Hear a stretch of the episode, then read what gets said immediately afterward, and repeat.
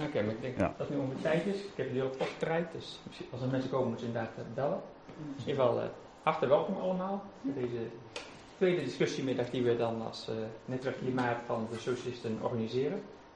De vorige was in Rotterdam. Toen ging het over uh, degrowth. Ook een leuke inleiding en de discussie gehad. Nu een heel andere stroming. Ja, want ecomodernisme die heeft duidelijk andere ideeën dan de degrowth-beweging. Maar het is juist goed, denken wij, om eh, verschillende geluiden horen en kennis te nemen van de argumenten, zodat we onze eigen ideeën kunnen vormen. Nou, Joris van Dorp eh, is actief bij eh, replanet.nl. Als ik goed begrepen heb, werkt je als ingenieur In de in bouwsector. de bouwsector, ja, thermodynamica en warmte en zo, hè? Ja, Ja. energiedingen, hè? Ja, installaties, ja, precies. Dat is- Dus dat is ook heel belangrijk, ook voor ons aan het hart ligt, hè, isolatie. Ook in deze energiecrisis is natuurlijk eh, op dit moment zeer actueel mee bezig. Nou, we gaan het dus vanavond hebben over ecomodernisme. Dat is een stroming die bij de meeste mensen waarschijnlijk niet erg bekend zal zijn. Dus eh, daarom ook eerst een inleiding over wat het überhaupt is en waar ecomodernisme voor staat.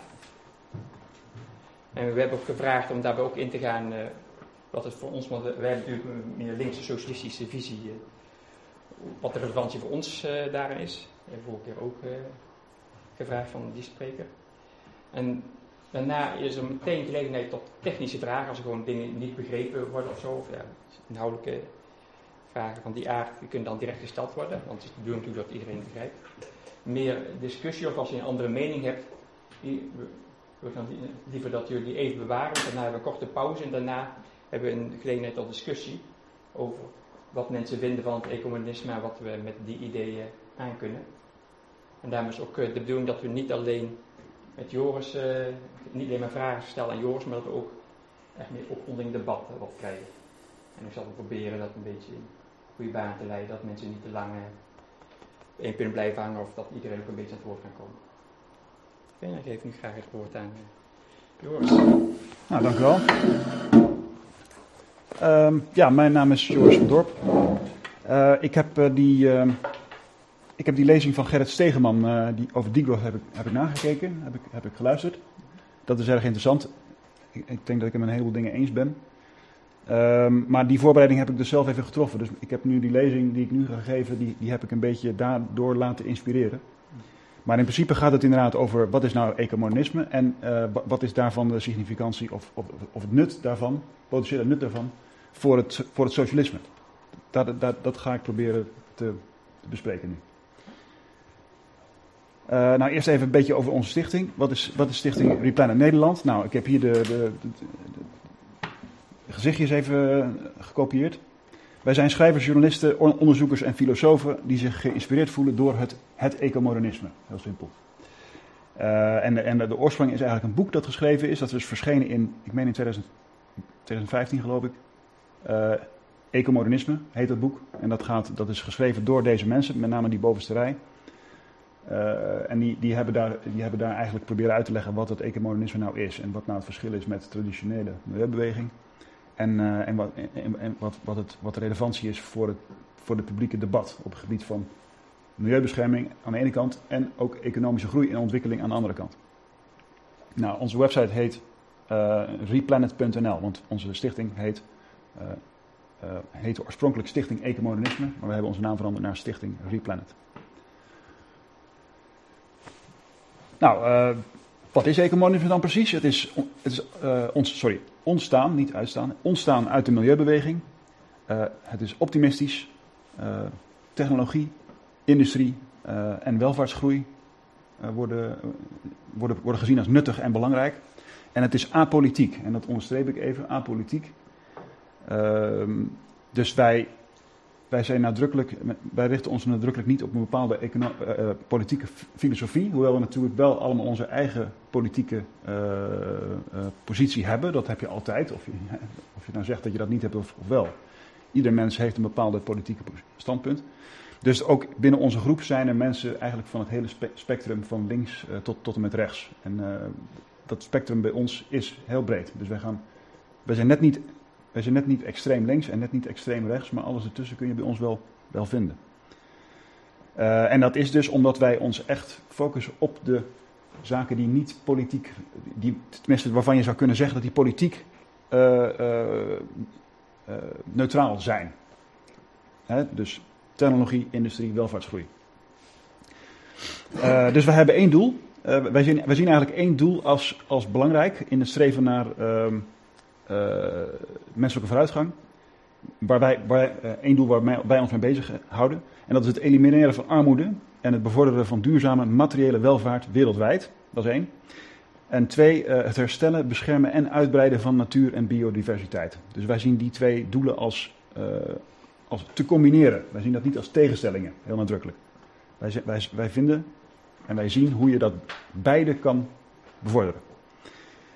Nou, de middelen die, wij daarvoor uh, willen inzetten zijn technisch van aard. Dus wij, wij, willen, wij willen de intensificatie van de productie van goederen en diensten. Dus minimale inputs uh, uh, en maximale outputs. Dus zo min mogelijk grondstoffen en, en, en arbeid. En zoveel mogelijk productie van goederen en diensten die dus, die, waar dus, waar dus die, die gevraagd worden door de moderne samenleving. En da, daar gebruiken wij, daar, daar, willen wij dus ook technologie centraal stellen. Kern, kernenergie, biotech, uh, verstedeling en automatisering. Dat zijn technologieën die enorm veel kracht uh, in zich hebben en enorm kunnen bijdragen aan de, de, vergroting van de effectiviteit en efficiëntie van de productie.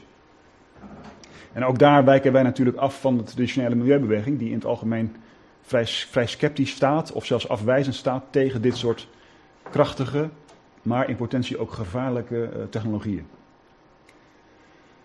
Uh, en wij zien dus ook een doorslaggevende rol voor de overheid uh, als investeerder in innovatie en ontwikkeling van duurzame productie en consumptie. En dat heeft ermee te maken dat deze technologieën vaak grote, grote investeringen vereisen. Die investeringen zijn vaak te groot voor, voor de particulier voor het individu of voor kleine groepen. Dus daar heb je een grote groep voor nodig of een heel land om dat te kunnen benutten, die technologie. En ten tweede, uh, die technologie is in potentie ook gevaarlijk. Dus je hebt daar als overheid altijd een betrokkenheid bij om te sturen op, uh, op, het, op het waarborgen van de veiligheid. Maar goed, maar dat, dat vinden wij dus geen reden om die technologie af te wijzen, heel belangrijk. Dus wij, wij accepteren dat die gevaren er zijn, maar wij zien de voordelen van die technologie als doorslaggevend. En die gevaren zien wij als iets wat we moeten en kunnen beheersen. Nou, er is ook een manifest geschreven, in, uh, ook, ook een jaar of zeven geleden, het Ecomodernisme Manifest. Dat kun je vinden op, het, op de website, gelijknamige website. Eh, vertaald in heel veel talen, er is ook een Nederlandse versie. Daar kun je nog eens nalezen en als je denkt van, goh, daar ben ik het mee eens, nou, dan ben je ecomodernist. Zo simpel is het. Nou, wie ben ik? Uh, misschien dat ik er mee moet beginnen. Mijn naam is Joris van Dorp. Ik ben, ik ben getrouwd. Two children. Twee kinderen dus. Ik woon in Oesgeest. Uh, ik heb een opleiding werktuigbouwkunde afgerond aan de TU Delft. Ik werk uh, in de advies, ontwerp en oplevering van installatietechniek voor de bouwsector, met name werktuigbouwkunde. Dus dan moet je denken aan ventilatie, verwarming, koeling van allerhande gebouwen. Utiliteitsbouw, woningbouw, appartementencomplexen, winkelcentra, ziekenhuizen, noem maar op. En ik stel mij vrijwillig op als pro-kernenergie-activist. Ik ben, uh, ik, kernenergie vind ik uh, een zeer nuttige technologie, dus daar, stel, daar, ben ik voorstander van. Dus ik, ik, zet me daarvoor in om dat te bevorderen, die technologie. En ik geef dus ook uh, gratis, ja, gratis, gratis energieadvies. Hè. Dus ik, ik, werk met journalisten, schrijvers, politici, discreet. Mensen die gewoon echt willen snappen hoe, hoe energietechnologie in elkaar zit. Ik, ik beweer dat ik dat snap. En ik, ik, ik, ik, laat mij graag corrigeren. En ik hou, hou mezelf goed op de hoogte van die technologie. En ik help uh, mensen die daarin geïnteresseerd zijn om dus ook heel zorgvuldig, nauwkeurig, objectief uh, deze ingewikkelde, inge, dit ingewikkelde vakgebied uh, te beheersen en te begrijpen. nou ja, goed. Ik, heb dus, ik had dus die lezing van Gerrit Stegeman beluisterd. dus, dus daarom wil ik nu eigenlijk gaan hebben over ecomonisme versus degrowth. Want inderdaad, ecomonisme en degrowth, dat zijn heel, dat zijn heel verschillende stromingen heel verschillende manieren om te denken over uh, ontwikkeling. Met een, met een, op een heleboel punten staan we inderdaad lijnrecht tegenover elkaar. Uh, maar we, we hebben ook natuurlijk veel, er is ook veel gemeenschappelijks. Dus, dus vandaar dat ik dat, dus daar wil ik het verder nu in deze lezing over gaan hebben. Ecomodernisme als, als tegenhanger van degrowth. Nou, waar zijn we het over eens? We zijn het erover eens. Er is sprake van uitputting van grondstoffen en overbelasting van de biosfeer. Daar zijn we het over eens. Dus dat is een probleem. Moet worden opgelost. Nou, milieubescherming is nodig, maar gebeurt niet vanzelf. En het vergt dus overheidsinterventie. Daar zijn we het ook over eens. Dat is, bekend, dat, is, dat is bekend onder de tragedy of the commons. Ik weet niet of die, die term bekend is, maar de tragedy of the commons is een, is een probleem waar de mensheid mee worstelt. Dat er, uh, er zijn allerlei uh, planetaire diensten, zo genoemd. Planetaire diensten, bijvoorbeeld schone lucht, dat is een, dat is een planetaire dienst. Die maken, daar maken we allemaal gebruik van, van die dienst. Dus het is belangrijk dat die dienst in orde is. De lucht moet schoon zijn. Maar als een van ons eh, besluit om die lucht te vervuilen, op welke manier dan ook, dan heeft die ene persoon er eigenlijk niet zoveel last van, maar het collectief wel. Dat is de tragedy of the commons. Dus als iedereen maar zijn eigen gang gaat, dan heb je heel snel het effect dat die lucht dus heel erg vervuild raakt. En daar heeft vervolgens iedereen last van. Maar het is heel moeilijk om iemand aan te wijzen die, er dan, die daar dan schuldig aan is. Hè? Want je bent eigenlijk allemaal met hetzelfde bezig. Dat is de tragedy of the commons. Nou, om dat op te lossen heb je dus samenwerking nodig. Dus je, hebt, je moet samen met elkaar afspreken wat wel en niet mag. Je hebt een overheid nodig die dat regelt, enzovoort, enzovoort. Dus zijn we het ook over eens met de degrowth-beweging. Uh, nou, ten derde, uh, er is materiële ongelijkheid en onrechtvaardigheid in de wereld. Die, die verdwijnt ook niet vanzelf. er is toch ergens altijd nog een recht van de sterkste. Uh, de, de zwakkeren worden, worden benadeeld. De mensen die uit de pas lopen, de mensen die, die eigen ideeën hebben, een afwijkende mening, die mensen hebben ook, hebben, hebben ook last. Die worden ook uh, gediscrimineerd. Dus er is heel veel onrecht. Er is natuurlijk materiële ongelijkheid. Er zijn mensen die hebben heel veel. En er zijn mensen die hebben eigenlijk niks. En dat staat, dat staat, vaak staat dat niet in verhouding met hoe, hoe, hoe die mensen zich inspannen. dus je hebt vaak dat mensen. Heel veel mensen spannen zich heel erg in, maar verdienen heel weinig. En je hebt ook mensen die zich eigenlijk nauwelijks inspannen, maar wel heel veel, heel veel hebben of heel veel verdienen. Dus die ongelijkheid die is er. Dus daar moet je, iets, moet je ook iets mee. Dus daar zijn, we, daar zijn we het allemaal over eens. Het verschil zit er maar in wat wij zien als de als mogelijke oplossingen. Of als de, de beste oplossing voor deze moeilijke uh, ja, problemen. Of, of misschien zijn het wel gewoon. Uh, misschien is het wel, hoort het wel gewoon bij de conditie van de mens. Maar het maakt niet uit eh, of je nou een probleem noemt of een conditie van van de mens. Je moet er iets mee. Je moet het oplossen, je moet het tegengaan, deze problemen. Je moet ze hanteerbaar maken en dat, dat, dat, dat, dat is een dagtaak. Daar, ben je, daar blijf je mee bezig als mensheid. Nou, is dat groeidenken? Is groeidenken fout?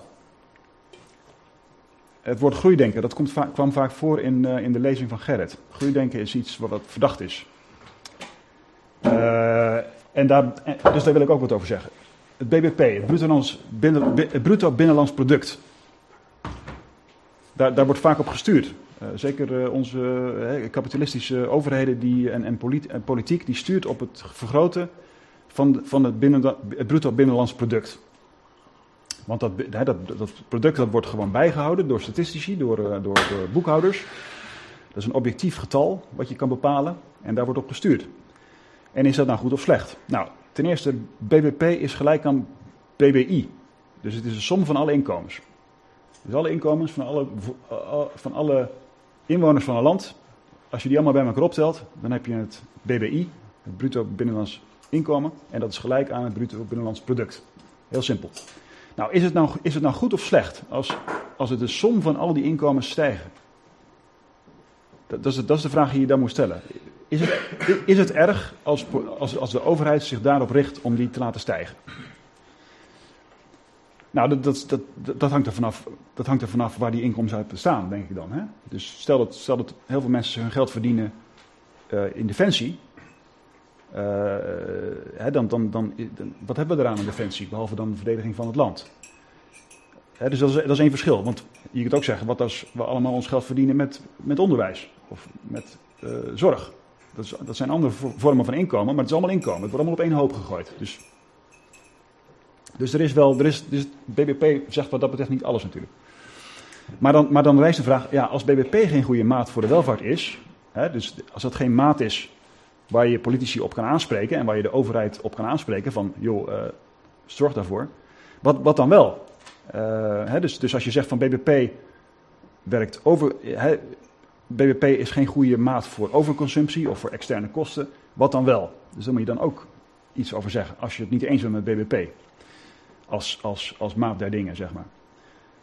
En dan, ja, dan heb je een andere vraag. Welk voordeel zou het hebben als de regering het streven naar, een hoog, naar verhoging van het BBP zou loslaten? Welk, voordeel is er voor de, voor de bevolking als, dat, als ze dat zouden doen? Ik zeg niet dat ze dat gaan doen of zouden moeten doen, maar stel dat ze dat zouden doen. Uh, en dan zou je nog verder kunnen gaan. Je kunt zeggen, welk nut heeft het om, het streven naar, uh, om te streven naar minder BBP? Dus als je zegt van, en dat doen die growthers, die doen dat, die zeggen, hè, je moet, de BBP moet minder worden, anders krijgen we milieuproblemen niet onder controle. Is dat zo? Wel, welk nut heeft dat dan? Wat, is nou, wat, wat zou nou directe relatie zijn tussen minder BBP en meer milieubescherming? Is, dat, is die relatie er wel? Nou, tenslotte, welke risico's kleven eraan, uh, eraan het door de overheid afdwingen van BBP-verlaging? Dus stel dat die overheid inderdaad opdracht krijgt uh, door de politiek, zorg voor een lagere BBP. Wat gebeurt er dan? Is dat een risico voor de mensenrechten? Ik, ik denk dat mensenrechten daardoor in een geding zouden komen. Uh, maar goed, dat, daar kun je dus van mening over verschillen. Maar dit zijn dus de vragen die ik dan stel als, als het groeidenken verdacht gemaakt wordt. Dan zijn dit de vragen die ik stel. Nou, eerst het punt van die externe kosten. Externe kosten is inderdaad uh, eigenlijk wel de essentie van.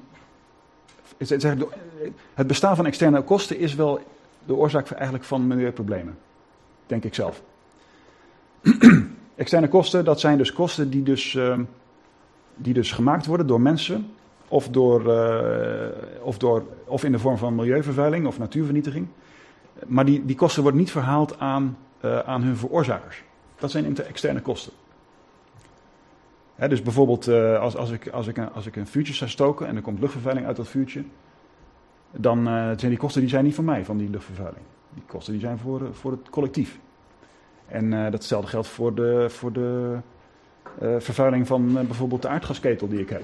Of stel dat ik afval in de natuur gooi. Daar heb ik zelf persoonlijk geen last van, maar dat veroorzaakt wel kosten. Dus dat zijn allemaal externe kosten. En het idee is, als je die kosten kan internaliseren, dus als je kan zorgen dat de veroorzakers van die kosten ook die kosten zelf moeten dragen op een of andere manier, dat je dan in hoge mate milieuproblemen op kan lossen. Want zodra mensen ook zelf de kosten voelen van die zij veroorzaken, hè, of bedrijven, dan zullen ze dus dat uh, willen voorkomen. Of in ieder geval dat alleen maar doen als het ook echt waarde, waardevol is. Dus als het echt noodzakelijk is om die kosten te maken. Want laten we even duidelijk zijn. Iedere, alles wat een mens doet, iedere, iedere, iedere adem, ademstoot die je neemt, iedere, uh, elk voedsel wat je eet, alles veroorzaakt schade. Er is er altijd schade. Er wordt altijd schade veroorzaakt. Je kunt nooit helemaal naar nul schade toe. Uh, dus dat, dat, is, dat, is wel belangrijk. Het is altijd een optimalisering. Dus je bent altijd bezig met minimaliseren van schade en maximaliseren van opbrengst, eigenlijk. Uh, dus, dus goed, dus, dus uh, die, die, externe kosten. In, in hoeverre hebben wij een probleem met die externe kosten? Hebben zijn er heel veel externe kosten? In, in Nederland maken wij heel veel externe kosten die, die uh, of, of zijn een heleboel van die kosten zijn die eigenlijk al stiekem toch wel degelijk geïnternaliseerd. Uh, via accijnzen en belastingen. Uh, en hoe groot zijn die kosten? Zijn, zijn die kosten groter dan, het, dan de kosten van het voorkomen van die kosten? En zijn ze, zijn ze hoger dan de alternatieven die er zijn voor de activiteit die die kosten veroorzaken? Dus, dus, en, en actuele discussie, die dus op hoog niveau plaatsvindt, al, al tientallen jaren, is met CO2-reductie. De kosten van CO2-reductie versus de kosten van klimaatverandering. Dus in, extreem, in het extreme geval, stel, dat is niet zo, maar stel dat CO2-reductie ontzettend kostbaar zou zijn. Uh, ja, dan kunnen we wel het klimaat, klimaatverandering voorkomen, maar dan zitten we allemaal weer. Dan gaat de welvaart, dus gaat de welvaart omlaag. Dus dat is, maar dat is gelukkig niet zo. Hè? Daar komen we later nog op terug. De kosten van CO2-reductie die zijn er wel, maar die zijn niet zo hoog dat we dat niet kunnen absorberen als maatschappij, als samenleving. Dus wij kunnen die CO2-reductie kunnen we naar beneden brengen, maar daar komen we later op. Uh, en dan ten laatste vraag die, die belangrijk is, denk ik, zijn het echte kosten? Er wordt van sommige externe, van bepaalde externe kosten wordt vaak gezegd, dit zijn externe kosten, kijk maar. Hè, of daar moeten we wat mee. En daar wordt, men eist daar dan maatregelen op. Maar dan blijken het geen echte externe kosten te zijn. Uh, dus dus, dat, dus dat heeft ook te maken met de vraag hoe groot zijn de kosten. Dan moet je, wel, je moet daar wel goed technisch naar kijken en ook echt fundamenteel materieel. Wat zijn nou echt de materiële kosten? Dus bijvoorbeeld, ik, ik, tussen haakjes heb ik even wat voorbeelden genoemd, met name rondom e- kernenergie zijn er heel veel discussies. Wat zijn nou de echte kosten? Ten eerste wordt er gezegd van ja, als je uranium verbruikt in een kerncentrale, dat zijn, dat zijn externe kosten, want dat zijn niet hernieuwbare uh, uh, materialen. Dus als jij, als jij uranium gebruikt in een kerncentrale, dan is die uranium niet, maar, niet meer beschikbaar voor toekomstige generaties. Dus dat zijn dus externe kosten, wordt er dan gezegd. Maar het blijkt, wat blijkt nou? Uranium, er is zoveel uranium in deze aarde. Deze aarde is, uh, zit zo vol met uranium. En uranium levert zoveel energie op. Dat we die uranium, dat, dat kun je beschouwen als onuitput, onuitputtelijk. Dus een, een onuitputtelijke grondstof. Uh, het gebruik van een onuitputtelijke grondstof is hetzelfde als het gebruik van een hernieuwbare grondstof.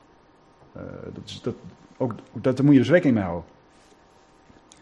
Dat je wel goed onderscheid maakt tussen wat, is nou echt, wat zijn nou echt kosten voor onze generatie of voor de toekomstige generatie en wat niet. Nou, dat kernafval, dat is, dat is natuurlijk een, uh, dat spreekt meer tot de verbeelding. In hoeverre zijn dat nou externe kosten?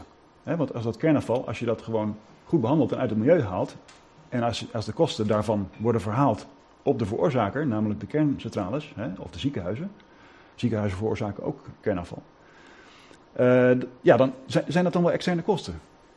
Nou, dan niet, zou ik zeggen, want die kosten zijn gewoon in, intern. Dus die worden gedekt. Nou, tenslotte, true pricing, dat is een begrip, dat kun je googlen, true price. Dat is een bekend begrip, uh, een heel interessant begrip.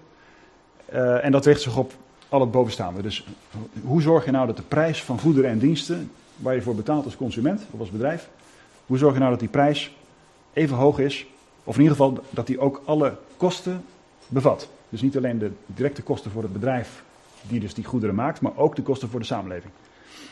True pricing. Dat heeft hier dus mee te maken met externe kosten. Nou, dan komen we dus op technologie. Hè, want wij vinden dus dat die externe kosten, die kun je allemaal internaliseren of op, opheffen door toepassing van technologie. En dan is de vraag, de centrale vraag denk ik, van die circulaire economie en groene groei. Is dat mogelijk? Is het mogelijk om een circulaire economie te bereiken? Uh, en dat is synoniem met groene groei. Is dat mogelijk? En, en, en de vraag, dat is een interessante vraag om te stellen, want we, zitten, we hebben nu geen circulaire economie. Onze economie, onze economie nu is grotendeels één richting. Hè? Dus je, er worden grondstoffen gedolven, daar worden goederen en diensten van gemaakt. En er ontstaat afval en dat afval wordt op een hoop gegooid en dat is het dan. Dat is niet circulair en dat is uiteindelijk ook niet vol, volhoudbaar. Iedereen kan zich bedenken, zo'n economie is natuurlijk niet duurzaam. Dat, dat, dat kan een tijd goed gaan. 10 jaar, 100 jaar, 1000 jaar, maar op een gegeven moment houdt dat op. Dus je moet naar een circulaire economie waarbij dus die afval die je genereert, dat die afval weer terug wordt gebracht in het productieproces. Dat is dat er een cirkel ontstaat. Uh, nou, is dat mogelijk? Nou, in de, in de lezing van Gerrit kreeg ik toch sterk de indruk dat hij gelooft dat, hij dus dat, dat hij gelooft dat dat niet mogelijk is. Dat een circulaire economie niet mogelijk is. Hij zegt letterlijk, uh, een circulaire economie uh, is uiteindelijk een spiraalvormige economie. Dus, je, dus hij is. Dus er lekt toch materiaal uit die economie, waardoor je toch een spiraal hebt die dus uiteindelijk richting een onhoudbare situatie gaat. Uh, nou ja, ecomodernisme die zullen, of ecomodernisme ecomodernisten, sorry, die ontkennen dat. Want wij, wij vinden en wij zien mogelijkheden om 100% recycling mogelijk te maken. Uh, eh, 100% recycling en hergebruik van grondstoffen uit afval. Dat is mogelijk. Exclusief slijtagestof, dat wil ik er toch even bij zeggen. Want alles slijt. Dus uh, uh, materialen, schoenen, kleren, auto's, machines, gebouwen, alles slijt. En dat stof wat er dan afkomt, dat slijtagestof, dat verdwijnt natuurlijk. Dat kun je niet meer terugwinnen. Want dat ligt gewoon op de grond, het wordt weggespoeld. Uiteindelijk een groot deel van de stof komt trouwens terecht in, in de stofzuiger. Hè? Dus dan in de stofzuigerzak gaat het naar de afvalverwerking. Een groot deel van de stof komt ook in het riool terecht. Dus dat komt in rioolslip, dan staat dat neer. Dus in theorie kun je dat wel weer terugwinnen natuurlijk, als je dat stof gaat ontleden. En het afval gaat ontleden. Maar dat, dan kom ik op een tweede punt, dat vergt veel energie. Want energie is nodig om, uh, om, om, uh, om hele arme, arme bronnen Waaronder stof, waaronder railslip. Als je die helemaal weer uit elkaar wil halen en alle ingrediënten die daarin zitten, als je die allemaal weer netjes op een rijtje wil leggen, zodat je ze opnieuw kan gebruiken, dat kost energie.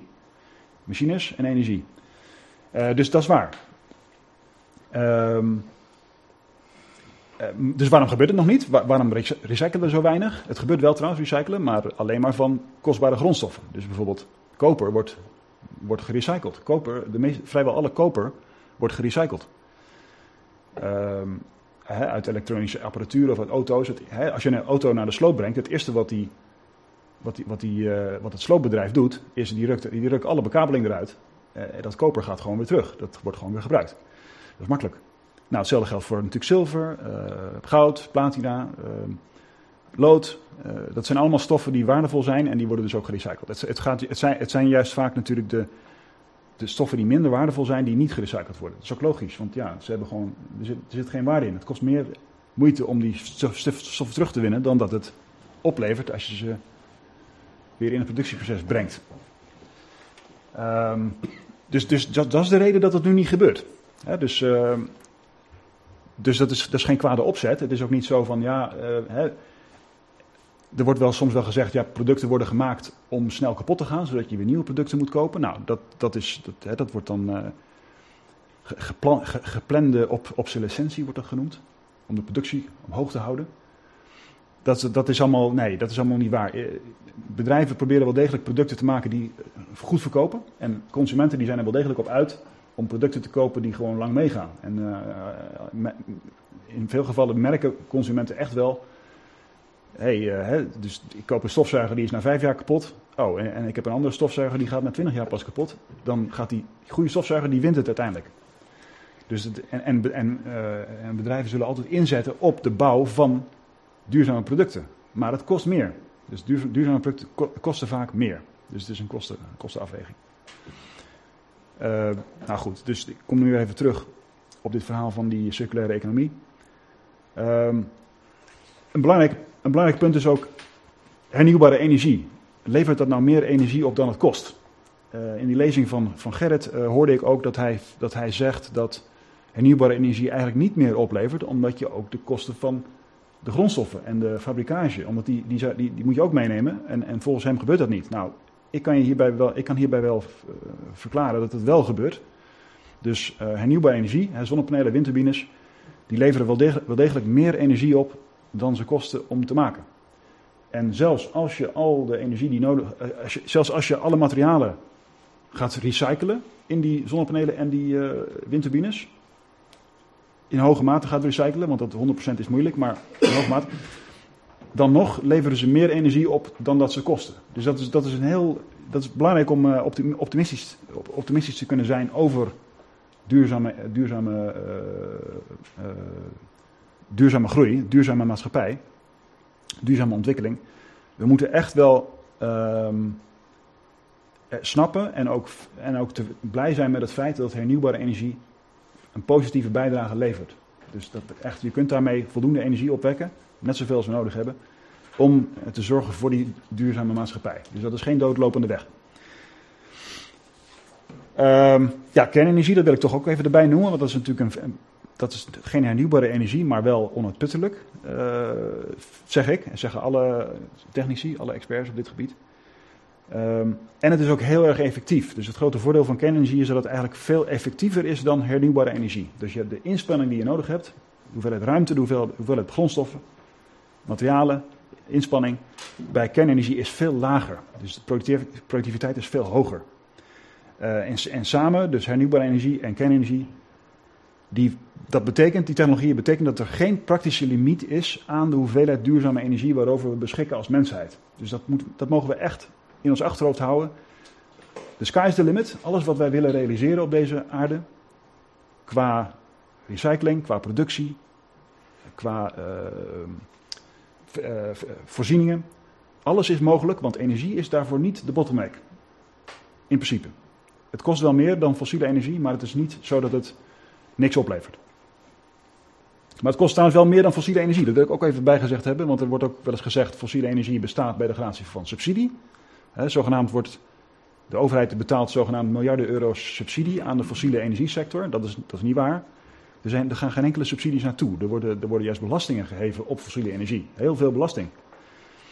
En de, dus de reden dat we zoveel fossiele energie gebruiken is niet omdat het gesubsidieerd wordt, maar omdat het gewoon heel goedkoop is. Dus de kosten zijn gewoon laag. Wat, wat daar natuurlijk wel een rol speelt, zijn de externe kosten. Dus de kosten van de CO2-emissie van het gebruik van fossiele energie. Die kosten zijn maar deels geïnternaliseerd. Namelijk via CO2-beprijzing. Maar die, hè, en, en, en ook uh, wetgeving die dus luchtvervuiling beperkt. Dat zijn allemaal manieren waarop die externe kosten van fossiel worden beperkt. Maar dan nog is fossiele energie gewoon heel erg goedkoop. En dat is de reden waarom fossiele energie gebruikt wordt. Moeten we ook rekening mee houden.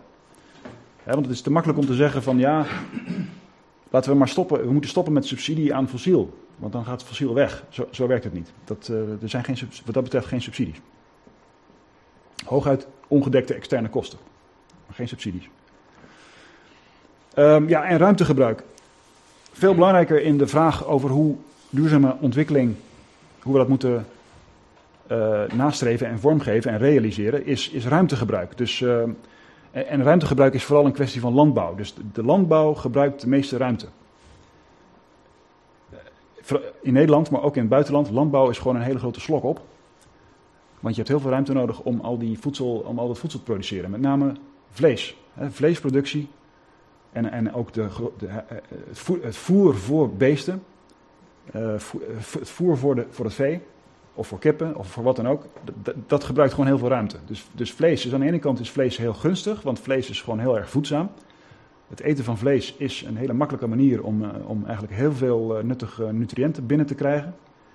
Niet alleen in het Westen, maar ook in ontwikkelingslanden. Dat moeten we ook niet vergeten. In ontwikkelingslanden is vleesconsumptie, dat lijkt dan, je, kunt, je zou kunnen zeggen dat is decadent. Aan de andere kant, er is heel veel marginale grond, ook in ontwikkelingslanden, waar gewoon kippen of varkens of, of, of, geiten, die, worden gewoon daar, die zijn daar nodig, die beesten. Die veehouderij daar is gewoon echt nodig om te zorgen dat die, dat die, dat die mensen daar goede voeding binnenkrijgen. He, dus je kunt wel, je kunt vegetarisch leven. Ik leef zelf zoveel mogelijk vegetarisch al, uh, al, al als vanaf mijn 21ste. Toen was ik, ik, ik, was ooit, uh, ik was, toen ik, toen ik student was, was ik ook vrij ideologisch. Ik stemde ook SP trouwens toen. Uh, GroenLinks ook. Ik ben, sindsdien ben ik wat meer naar het midden opgeschoven. Maar ik ben, vanaf die tijd ben ik ook vegetariër geworden. Want de grap is namelijk, dat is echt wel een limiet op deze aarde. Als ieder mens op deze aarde elke dag vlees wil eten, zoals sommige mensen of veel mensen dat eigenlijk doen in het Westen. Als ieder mens dat zou doen, dat kan niet. Dat, dat is gewoon onhoudbaar. Dat is, dat is fysiek onmogelijk. Dus dat is een, echt een harde grens. Dus daarom ook dat ruimtegebruik met een uitroepteken. Als je het hebt over circulaire economie en duurzame groei, dan draait het eigenlijk om ruimtegebruik. We moeten echt het ruimtegebruik zo efficiënt mogelijk houden. Energie is niet het probleem, grondstoffen eigenlijk ook niet. Die zijn er genoeg, vooral als we recyclen en dat kan. Maar ruimte, dat is, uh, daar, daar, moeten we gewoon echt slim mee omgaan. Zuinig mee omgaan, bodemvervuiling voorkomen, uh, ruimte, ruimte scheppen voor natuur, enzovoort, enzovoort. Nou, ook daar is de inzet van technologie is is erg, is erg uh, gunstig. Dus, dus met technologie kunnen we zorgen dat die productiviteit van die landbouw maximaal is. En door optimale gewaskeuze kunnen we zorgen dat, dat je 50% minder land en minder kunstmest en minder verdelgingsmiddelen nodig hebt uh, in Europa. Dus zelfs in Europa, waar we al extreem efficiënt zijn qua, land, qua opbrengst van landbouw, zouden we nog veel efficiënter kunnen zijn dan we nu al zijn. Door nog verder te gaan met technologie en, uh, en optimale gewaskeuze. En ik zeg hier technologie en dan bedoel ik dus ook gentech. Hè, dus genetische optimalisering van, uh, van, van gewassen. Dus, dus dat zijn dus technologische veredelingsmethoden. Dus waar we vroeger, veredeling deden we vroeger met, met planten blootstellen aan gif. Dus je gooit gif over die planten heen. Alle planten die overleven, daar zitten vaak mutaties tussen. Sommige zijn goed, de meeste zijn niet goed, maar die goede die pik je dan uit. En op die manier ga je met, kun je veredelen met gif. Tegenwoordig kunnen we veredelen door gewoon uh, DNA-technologie. Dus we kunnen gewoon letterlijk, eigenlijk met, met, met soort moleculaire gereedschappen in het laboratorium, kunnen we heel specifiek bepaalde genen van die planten aanzetten of uitzetten. Het is niet zo dat we nieuwe genen toevoegen, maar je kunt bestaande genen aanzetten. Dus je hebt bijvoorbeeld, in die, je hebt bijvoorbeeld met aardappels, uh, aardappels, bepaalde wilde aardappelgewassen die zijn heel resistent tegen bepaalde schimmels. Maar onze aardappels zoals we die nu hebben, in, de grote aardappels die we hebben opgekweekt, die we hebben veredeld de afgelopen honderden jaren, duizenden jaren, die hebben, die hebben dat gen niet, of dat gen staat bij hun uit. Dus dat gen hebben ze wel, maar die staat uit. Met die gentech kunnen we dat gen weer aanzetten. Dus een oorspronkelijk gen van zo'n aardappel, die kun je aanzetten. En dan is dat aardappel is ineens resistent tegen die schimmels. Dus dat is een klein voorbeeld. Ja, ik ben zelf geen uh, agro-expert op het gebied van, van agro, uh. Maar dit hoor ik dus van mijn collega's binnen onze stichting, die leggen dat uit. Door toepassing van moderne technologie, moderne veredelingstechniek, kunnen we zorgen voor veel meer opbrengst. En, en met name, dus meer opbrengst, beter bestand, beter bestand tegen droogte en verzilting. En ook beter bestand tegen, tegen schimmels en, en parasieten. Of ja, parasieten in ieder geval. Hè, dus, dus insecten, beesten, noem maar op, die dat, die dat aantasten, die gewassen. Daar kun je ook beter tegen beschermen. Dus je hebt dan minder verdelgingsmiddelen nodig, minder gifstoffen. Uh, ja, sorry, dat heb ik net verteld, hier, wat, wat hier staat. Um, ja, en verstedelijking wil ik nog even noemen, ruimtegebruik. Verstedelijking is ook iets wat heel veel ruimte bespaart. En niet alleen ruimte, maar ook energie en grondstoffen. Want als mensen in de stad wonen, ze hebben natuurlijk een grotere afstand tot de natuur en de ruimte. Mensen in de stad. Uh, en dat heeft op zich heeft dat nadelen natuurlijk, grote nadelen. Maar er staan voordelen tegenover. Namelijk veel en veel efficiënter gebruik van ruimte en van uh, energie en, en, diensten. Dus goederen en diensten ook veel en veel efficiënter.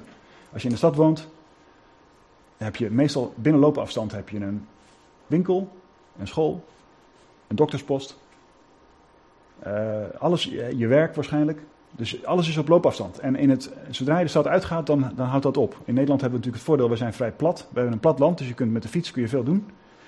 In veel landen, is het niet, is het, veel landen zijn niet plat. Dus daar ben je aangewezen op de auto. Of op openbaar vervoer. Nou, beide zijn uh, niet, niet ideaal. En moeilijk te realiseren vaak. Dus, dus echt die steden, er is een reden dat mensen graag naar de steden trekken. Dat doen mensen vrijwillig. Waarom? Omdat je daar voor dezelfde euro gewoon veel meer, of voor dezelfde dollar of, of slotty of whatever, roebel, heb je gewoon veel meer goederen en diensten dan buiten de stad. Dus de, welvaart, de materiële welvaart binnen de stad is groter. Dus ook daarmee, daarmee bespaar je ruimte. Als je dat bevordert. En, uh, dus dat, dat kun je bevorderen, verstedelijking kun je bevorderen door goede stadsplanning. Met name goede stadsplanning, goede bouwtechnologie, vergt, dat vergt allemaal over organisatie. Dat vergt allemaal, uh, allemaal uh, organisatie en ehm, consultatie, politieke, democratische processen. Om dat, goed, om dat goed te stroomlijnen. Maar dat kan wel. Dus je moet niet, je moet niet wat, ik, wat, ik, wat ik maar wil zeggen, je moet niet per se tegen verstedelijking, verstedelijking zijn. Dus je moet niet zeggen, we moeten allemaal terug naar het land. We moeten allemaal kleinschalig, we moeten allemaal onze eigen aardappels verbouwen.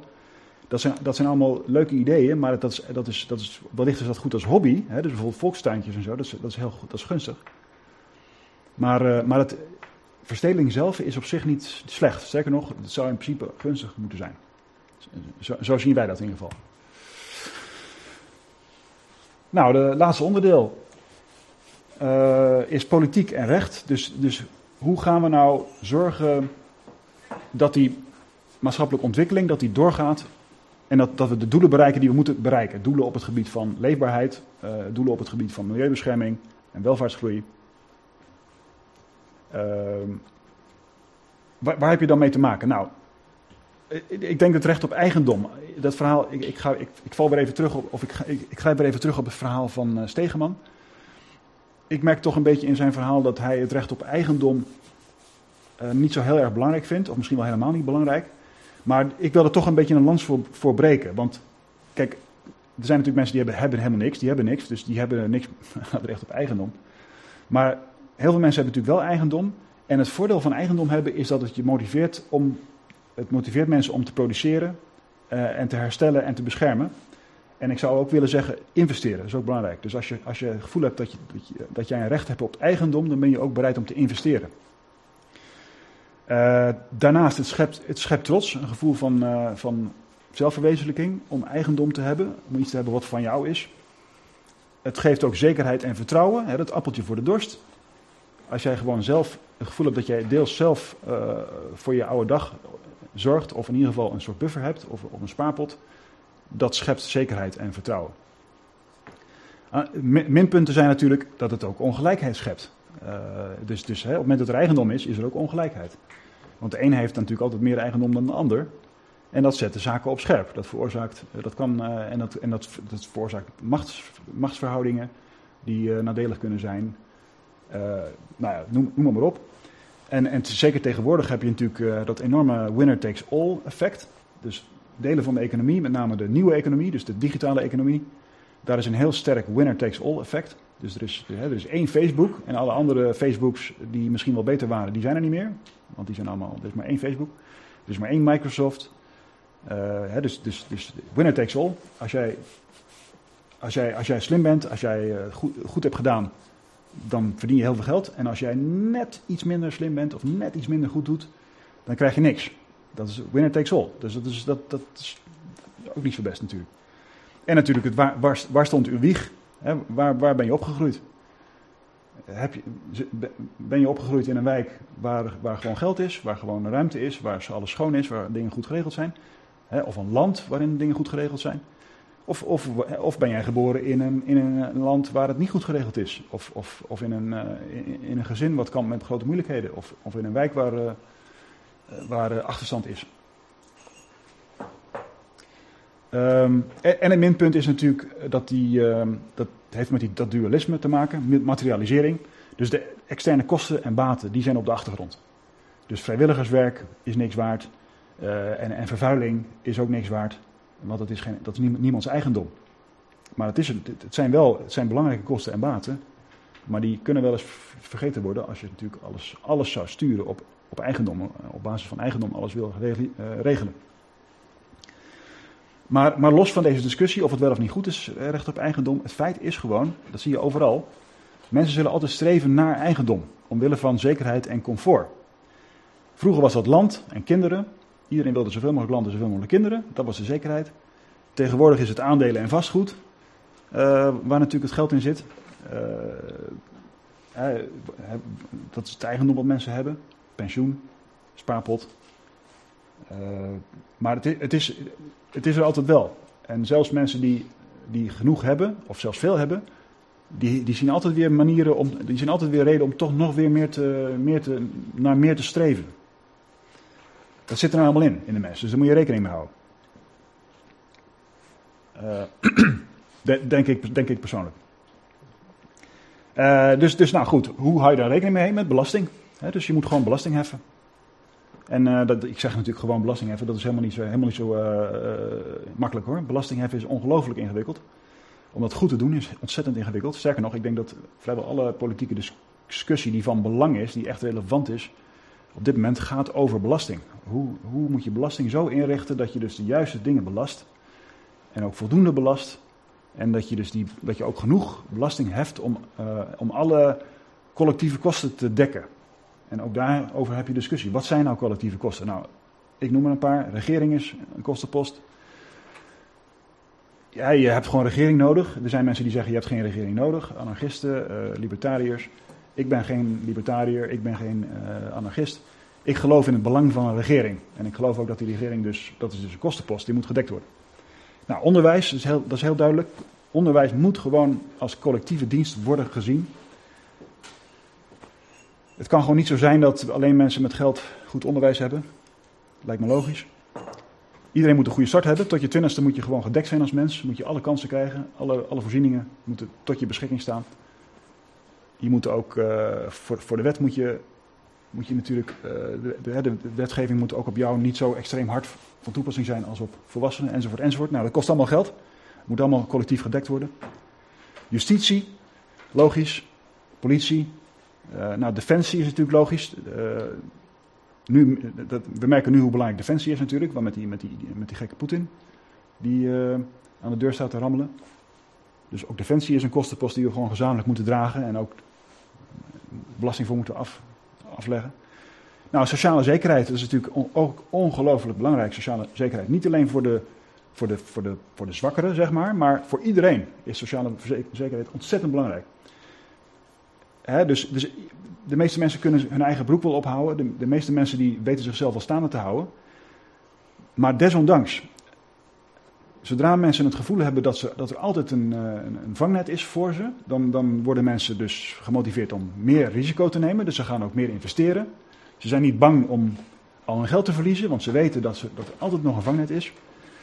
Mensen zijn ook meer bereid om, uh, om gewoon uh, hun eigen mening te ventileren. Dus als je het niet mee eens bent, als je het ergens niet mee eens bent, dan ben je meer bereid om dat te zeggen als jij het gevoel hebt dat er een vangnet is. Als jij, stel dat jij volledig afhankelijk bent van een werkgever en er is geen enkel vangnet, durf je dan nog wel, durf je dan nog wel je eigen mening te uiten? Nou, minder waarschijnlijk. Dus dat sociale, sociale zekerheid is ook super belangrijk. Um, ja, nou, maar dan, dan hè, dus wat we net hebben gehad van deze aspecten van recht op eigendom en dekking van belasting. En, hè, en het, heffen, en het heffen van belasting en het dekken van collectieve diensten. Maakbaarheid. In hoeverre kunnen we nou ook echt uh, onze samenleving maken? Maakbaarheid. Um, kapitalisme en democratie. Dat zijn, dat zijn twee zaken die, met elkaar, die, die hangen een beetje met elkaar samen. Uh, dus, hè, dus als je, als je, als je, als je uh, kapitalisme, als je dat nuttig vindt, dan vind je automatisch ook democratie nuttig. En andersom, als je, als je, als je nut van democratie ziet, dan, dan kom je eigenlijk niet omheen dat er ook een zekere mate van kapitalisme is. Nou, zowel kapitalisme als democratie, dat zijn, dat zijn geen zwart-wit onderwerpen, dat zijn altijd dat zijn, dat zijn grijze gebieden. Je hebt extreem kapitalisme en je hebt minder kapitalisme. Je hebt, je hebt extreme democratie en je hebt minder democratie, dus wat meer gedelegeerd. Um, nou, de, de, plussen daarvan, zoals we dat nu in Nederland hebben, de plussen daarvan is, zijn, zijn, dat je dus de individuele verantwoordelijkheid en initiatief mobiliseert. Dus je, je beloont initiatief, je beloont uh, individuele verantwoordelijkheid.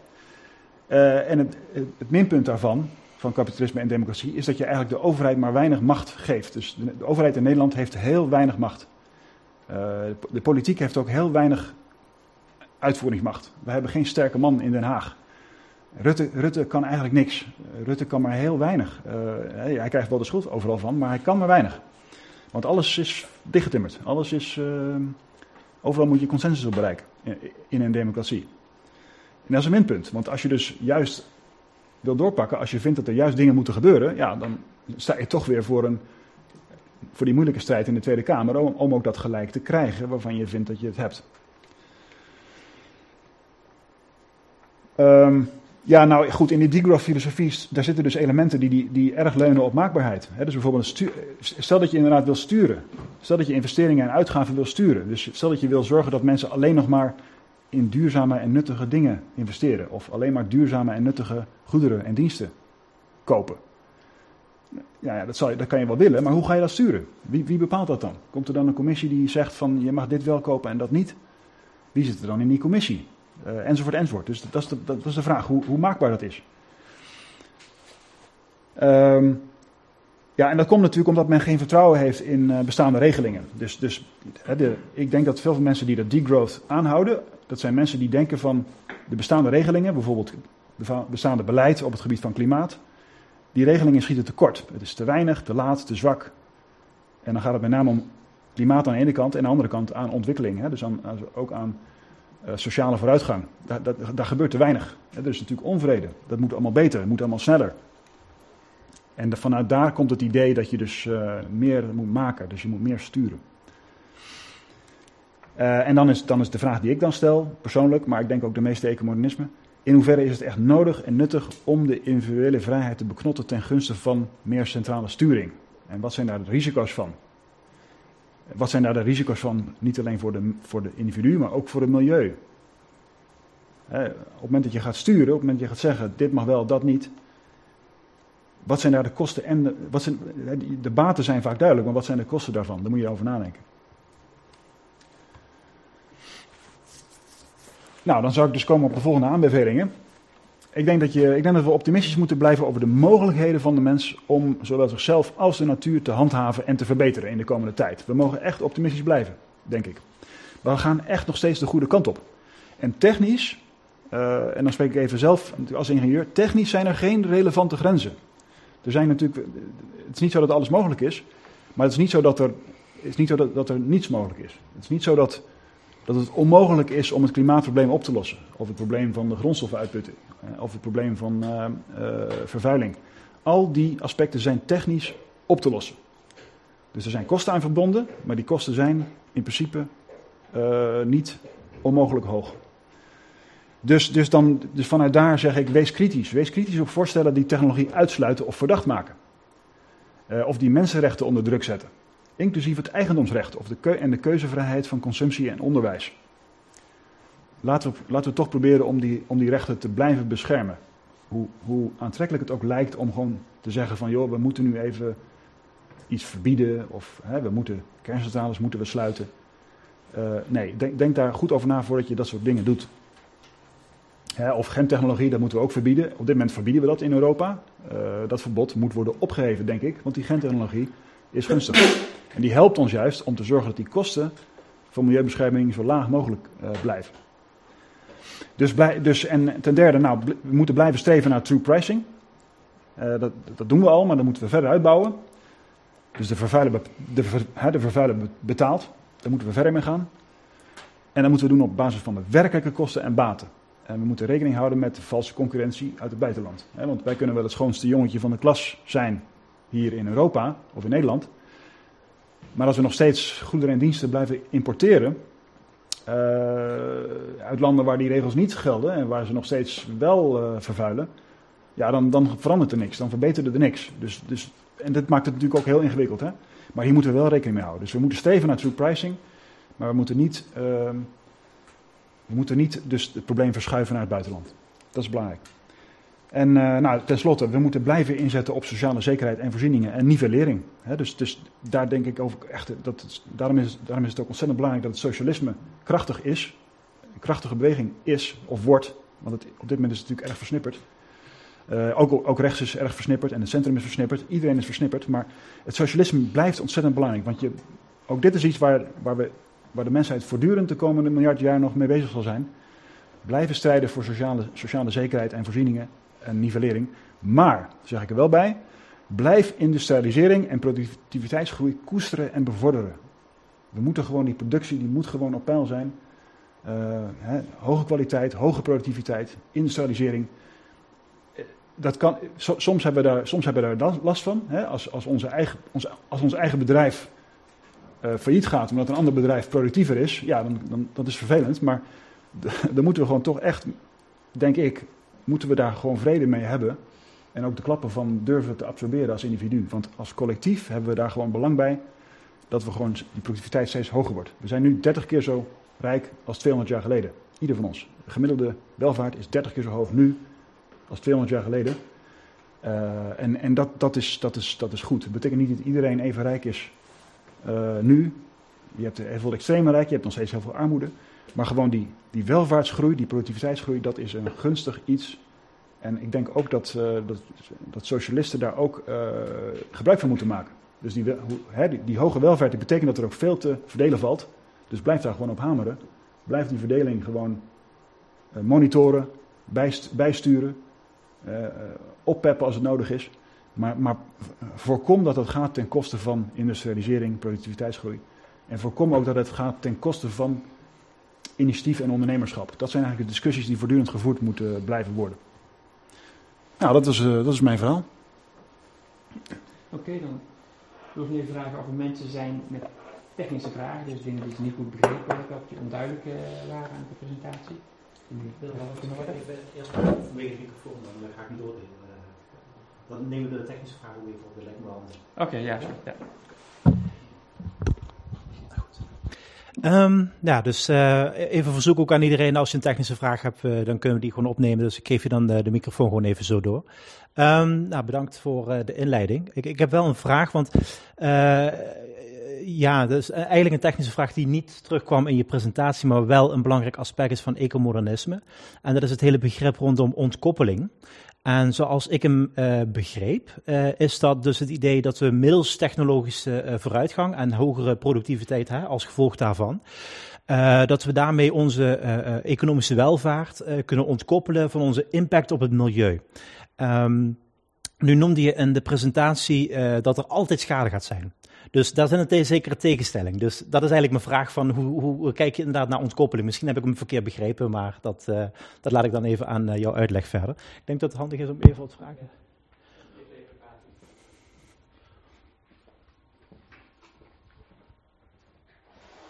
Yes, je mag hem pakken. Ik heb drie technisch-informatieve vraagjes. De eerste is, je noemt uh, op een gegeven moment DNA-technologie Gentech. Uh, daar gaan hele discussies aan vooraf, met name, laat ik zeggen, wat men negatief noemt genetische manipulatie. Beperk je daarbij nu tot, laat ik zeggen, de verborgen genen aan- en uitzetten waar je het over hebt? Of over hele andere ontwikkelingen, waar van overheidswegen, na politieke discussies, vaak beperkingen aan zijn opgelegd. En waar die beperkingen niet zijn opgelegd, de vraag vaak gaat van, laat je dit dan door de markt beslissen? Wat is rendabel en geef je daar alle ruimte voor?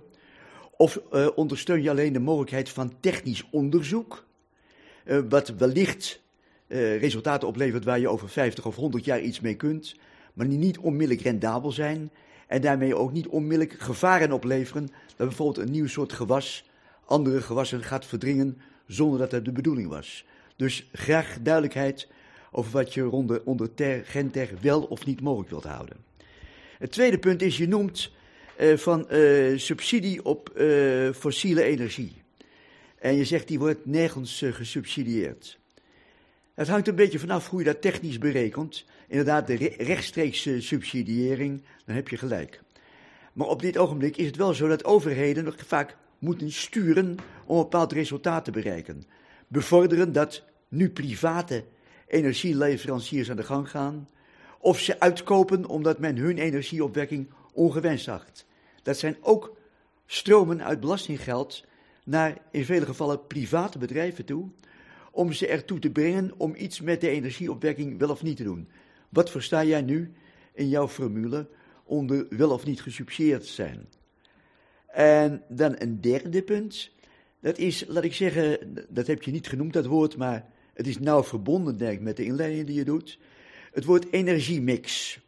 Uh, de discussie is in het verleden in sterke mate gegaan tussen de voorstanders van kernenergie, die liefst 100% kernenergie wilden en vonden dat er daarom niet hoefde te worden geïnvesteerd in zulke achterlijke dingen als zonnepanelen, windmolens, stuurdammen, uh, nou, al, alle andere mogelijke technologieën die er mogelijk zijn voor energieopwekking. Want de kernenergie zou alles oplossen.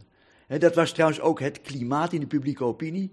Ik herinner me een tentoonstelling pro-kernenergie op Schiphol, die ik in 1956 bezocht. En waar alleen maar mensen daar enthousiast waren van, dat is de toekomst. In de toekomst hebben we geen enkele energieschaarste meer. Alles is mogelijk. Uh, we zijn van alle problemen af. Uh, nou, dat beeld, dat is wat naar de achtergrond verdwenen. Uh, tegelijkertijd hebben anderen gezegd, helemaal geen kernenergie. Dat staat alleen maar in de weg dat we betere, milieuvriendelijke energie en minder riskante energievormen ontwikkelen. De discussie rondom ecomodernisme gaat in hoge mate over kernenergie toelaten, maar tegelijkertijd niet die oude monopoliepositie ervoor opeisen. Mijn vraag is, hoe zie jij dan een ideale energiemix als uh, die ruimte voor kernenergie zou worden toegelaten? Aan wie kan de microfoon verder door? Ja, bedankt voor de uh, presentatie over ecomodernisme. Uh, ik denk uh, grote lijnen wel mee eens ben. er zijn best wel wat details waar ik, denk, waar ik ook wel over twijfel. Ja, oké. Het gaat eigenlijk wel meer over de vraag over op optimisme. Ja, want dat, dat, dat, je spreekt over optimisme en je zegt van nou, we gaan toch de goede kant op. Terwijl gisteren of de afgelopen week werd weer gezegd van nou ja als er voor 2030 niet de helft van het CO2 verminderd is, dan stijgt de warmte op aarde op tot 2%. Dat wordt door wetenschappers zelf aangetoond. Dus dat, ja, ik zou heel graag optimistisch willen zijn. Uh, maar ik denk dat we geen eens zover, misschien zo, zover kunnen komen om, om aan ecomodernisme te doen. Omdat uh, um, ja, al die destabilisaties die, uh, de, die opwarming van de aarde uh, uh, veroorzaakt, dat, ja, dat, dat leidt juist tot, tot enorme cynische en pessimistische stemming, ook onder heel veel linkse mensen. Zo van, ja, eigenlijk is, is het al te laat en ja, er is geen eens ruimte meer om, om daar, daaraan te voldoen. Dus ik vraag me af, hoe, hoe, hoe, waar, waar zie je dan ruimte voor optimisme in, het, in als je dat op de achtergrond, uh, of uh, als je dat erbij betrekt.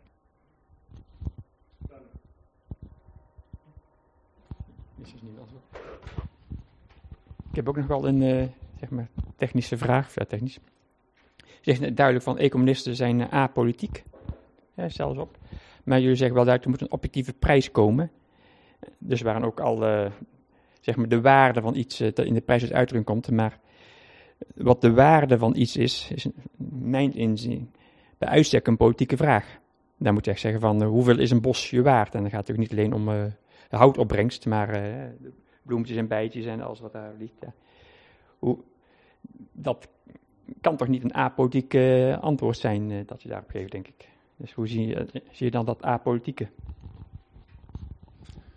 Ja, uitstekende, uitstekende vragen. Uh, heel erg interessant. Dus ik, laat, laat, ik, eerst even beginnen met wat jij vroeg over die absolute ontkoppeling. Ik heb inderdaad gezegd dat er altijd schade wordt veroorzaakt door menselijke activiteit. Dus hoe kan, je dan ooit, uh, hoe kan het dan ooit tot nul komen? Nou, daarmee wat ik eigenlijk dan had moeten zeggen is dat er is natuurlijk een hoeveelheid schade die we kunnen veroorzaken, die dus geabsorbeerd kan worden door de planeet.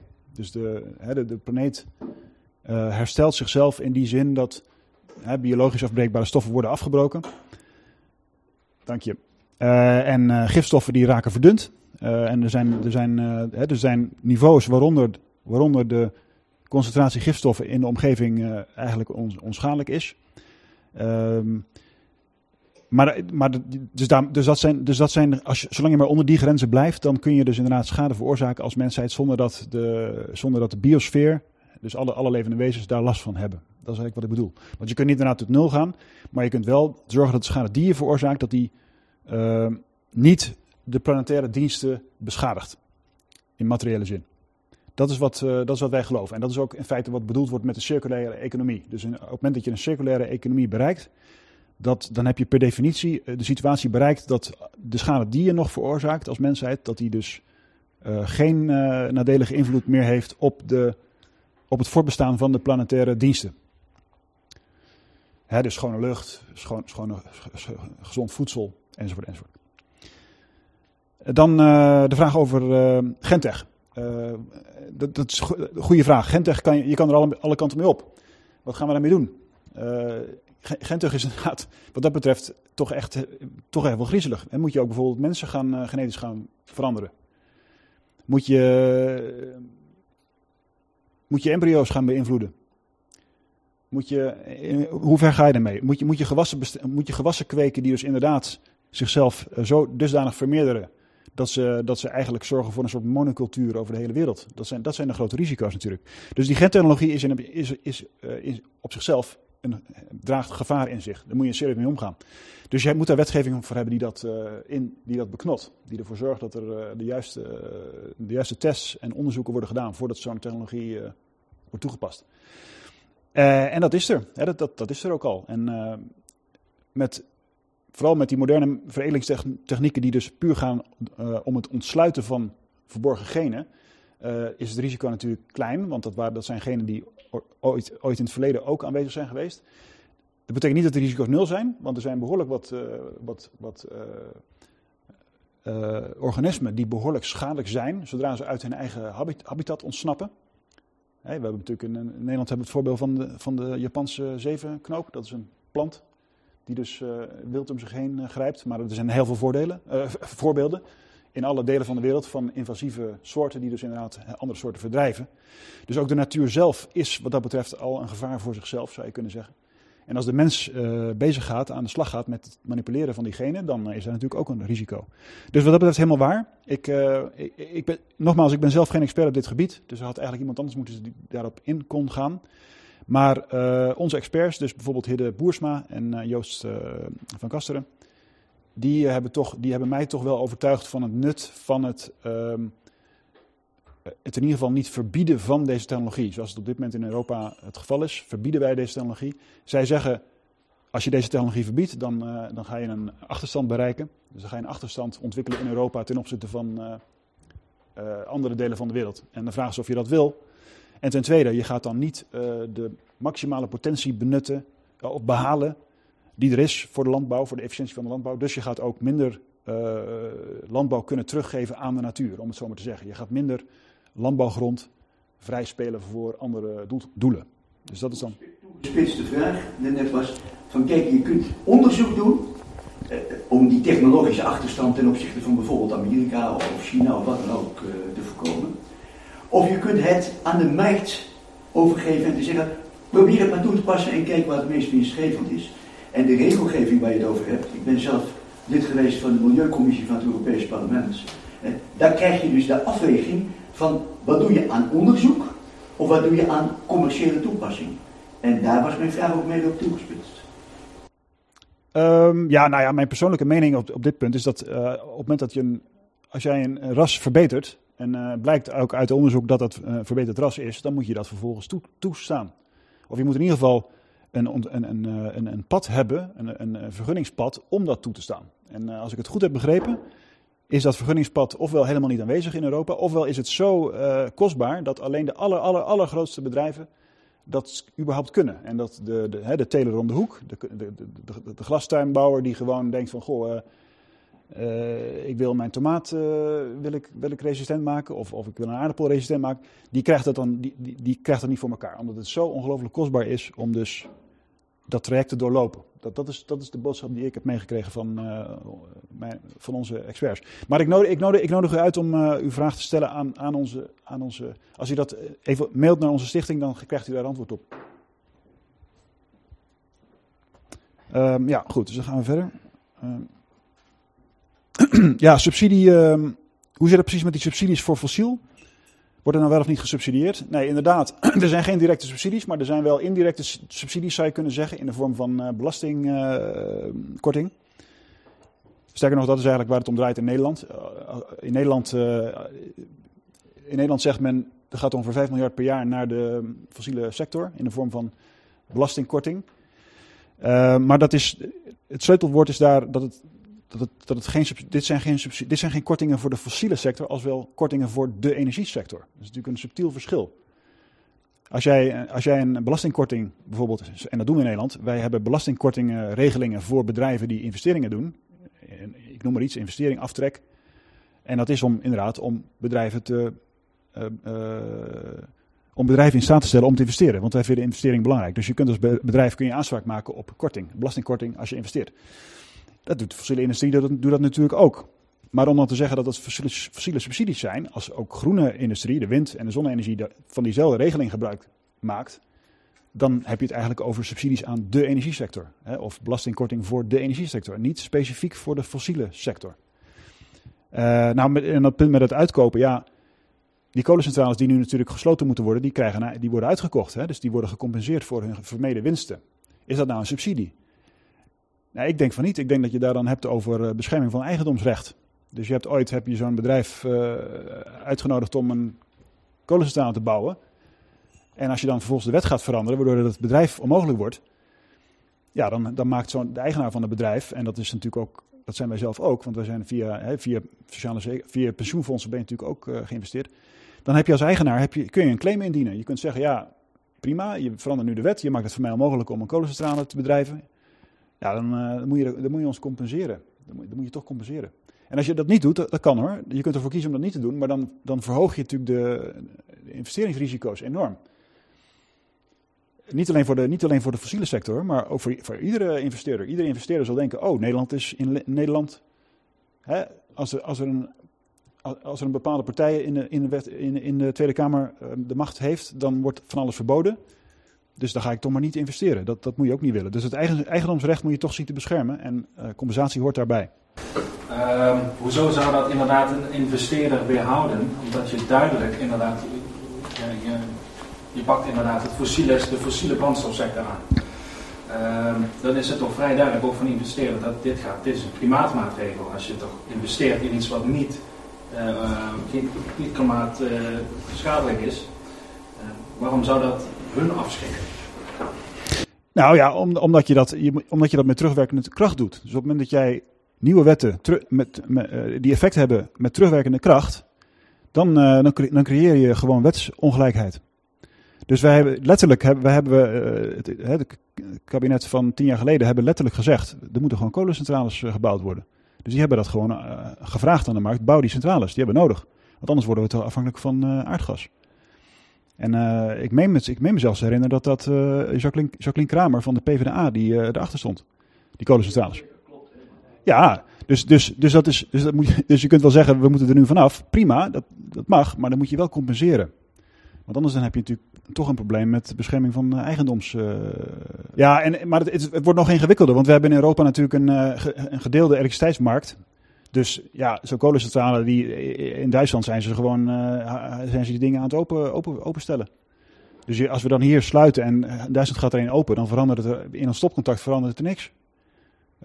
dus, dus, ook daar, dus daarom kun je ook niet je kunt daar een bedrijf ook niet kwalijk nemen dat ze hier een kolencentrale bouwen. Want het mag gewoon, hè, het mag gewoon volgens de wet, of het mocht gewoon volgens de wet. Dus gebeurt dat. Mijn, mijn vraag was, je zegt van, er worden geen subsidies verleend. Ja, uh, je, geeft een rechtvaardiging, de argumentatie, waarom die subsidiëring plaatsvindt.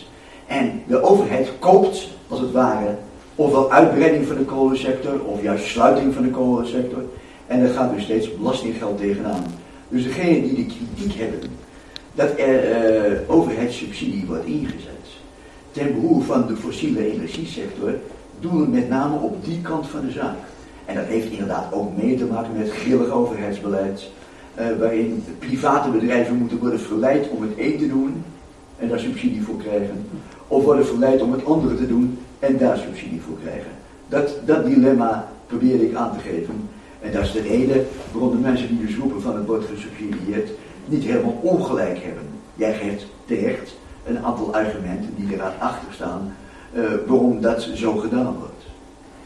Ja, nou, maar dat, daar ben ik het dus eigenlijk toch niet uh, met u eens, vrees ik. Want ik, ik geloof niet dat er daadwerkelijk uh, dat, dat de fossiele sector daar in dat geval gesubsidieerd wordt.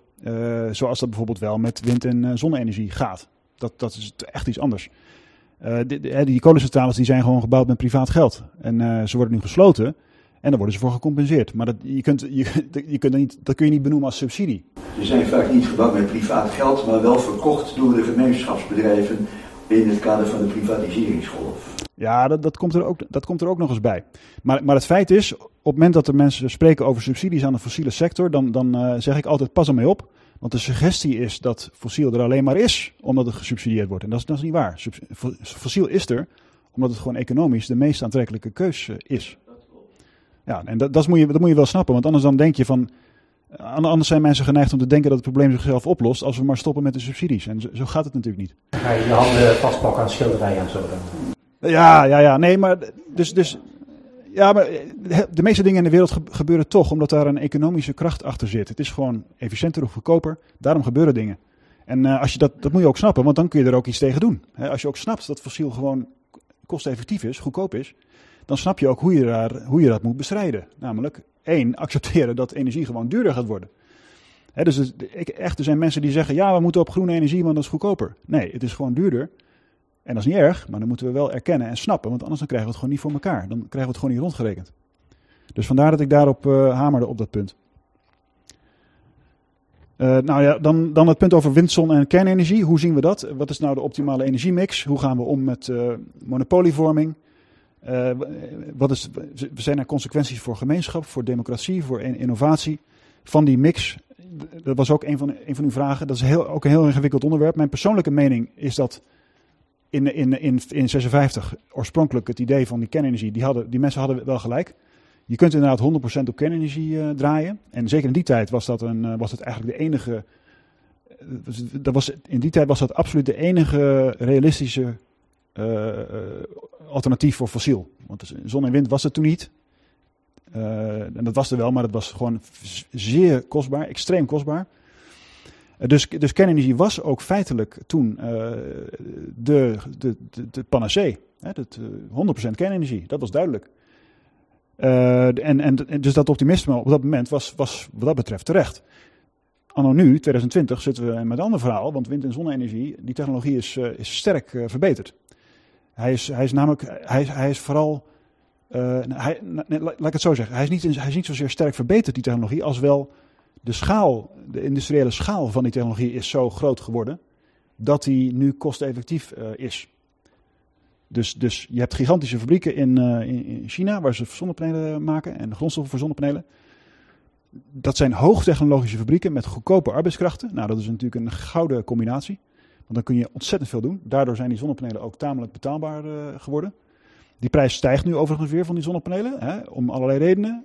Niet op zijn minst omdat de Chinezen toch ook eh, merken dat ze arbeid goedkoper wordt. Ze hebben natuurlijk ook een groot probleem nu in China met die COVID-maatregelen. Die hele economie ligt op slot.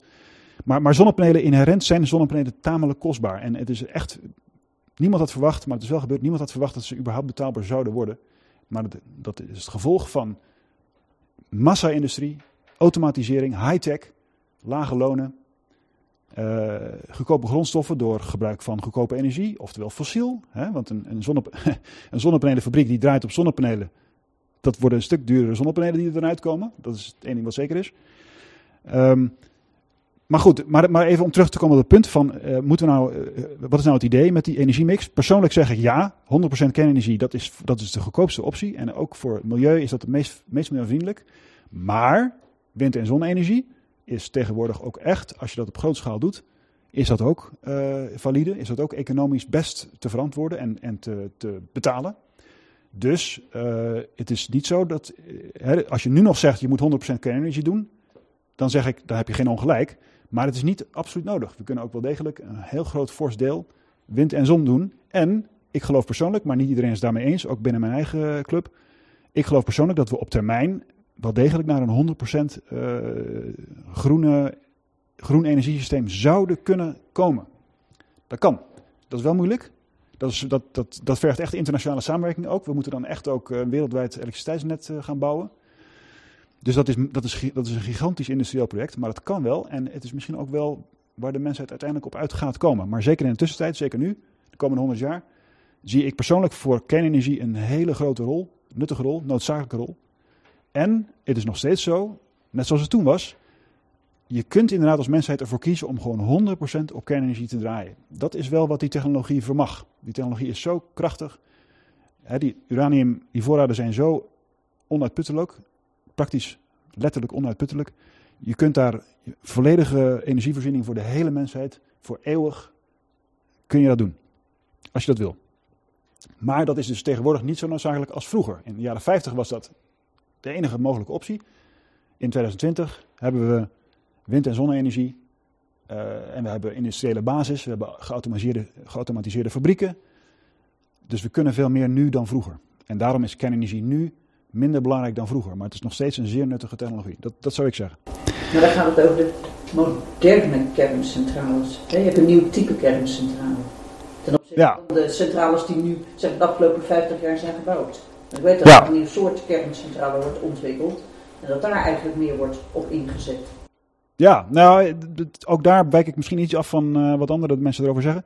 Eh, In mijn beleving is nucleaire technologie is de afgelopen 60 jaar eigenlijk niet zoveel veranderd. Eh, er dus dus er, zijn geen, er zijn geen echte technologische verschillen met, het, met de ontwerpen die nu ontwikkeld worden en de ontwerpen die we al hebben. Dus ik zeg van de moderne, moderne centrales die nu gebouwd worden, die, nu, die bestaande ontwerpen, die zijn ontwikkeld in de jaren 90, die technologie is gewoon goed. En die kunnen we toepassen. Maar er zijn ook nieuwe, er zijn ook, er zijn ook eh, nieuwe technologieën, kleine kerncentrales, SMR's, gesmolten zoutreactoren. Dat zijn ook technologieën die bieden, die hebben ook potentie en die bieden ook bepaalde voordelen. Maar dat zijn wat mij betreft geen game changers. Dus in mijn beleving is de technologie die we 60 jaar geleden hadden, niet alleen de lichtwaterreactoren, maar ook de kweekreactoren die we toen hadden, die technologie die we toen al hadden, is nog steeds valide en voldoende om eh, op wereldschaal eeuwig eh, duurzame energievoorziening te voorzien. Dus die techno- technologische innovatie in de, in de nucleaire industrie beschouw ik als nuttig, eh, maar, maar niet per se als noodzakelijk. Want we hebben die technologie al voldoende onder de knie. Maar goed, er zijn mensen die het daarvan mening verschillen. Er zijn mensen die zeggen, huidige technologie is niet goed, je moet iets nieuws doen. Ik ben daar dus absoluut pertinent niet mee eens. Ja, maar grote discussie is altijd de kernafval. En dat blijft afval voor de volgende generaties. Ja, nee, Het zit persoonlijk niet Ja, maar misschien moeten we niet helemaal in die discussie gaan. Want Nee, maar dat kunnen we nog dat kunnen we een andere keer. Nee. Ja, nou dan even een punt over het klimaat. We, we zien toch dat het misgaat met het klimaat. Dus waarom zouden we optimistisch mogen zijn? Nou, eens, het gaat mis met het klimaat. Eh, hè, dus, we, we slagen er eigenlijk al 30 jaar niet in om onze eigen doelstellingen op het gebied van klimaat eh, te halen. De CO2-uitstoot blijft stijgen. Eh, ontwikkeling, de, de, de, wereld, de wereldleiders zijn niet in staat om overeenstemming te bereiken. Of nauwelijks. En zelfs de over zelfs, de, zelfs de, eh, de akkoorden die er dan gesloten worden, die worden vervolgens niet nageleefd. Of nauwelijks. Of in ieder geval te weinig. Dus, dus wat dat betreft heb, je gelijk. Eh, wat dat betreft zijn we niet klaar en is er geen reden tot optimisme. Maar, zeg ik dan, zou ik zeggen, eh, heel veel dingen gaan wel goed. En laat je niet, over, laat je niet ehm, ehm, laat je niet verleiden door de gedachte dat dat klimaatprobleem dat dat iets is wat, eh, wat echt catastrofale proporties aan zal nemen. Het klimaatprobleem is een ernstig probleem eh, met schade die op termijn zeer, kan, zeer hoog kan oplopen. Dus over 100 jaar, als we, als we, als we gewoon doorgaan op de, huidige weg, dan heb je over 100 jaar ontstaat er schade die groot is. Eh, dan heb je het echt over schade die dus het equivalent zou, zo ongeveer zou zijn van 15% van onze huidige productie. Om het even, om het even een getal aan te hangen. Dus, dus, eh, dus stel dat we nu over 100 jaar zouden leven en alles zou hetzelfde zijn.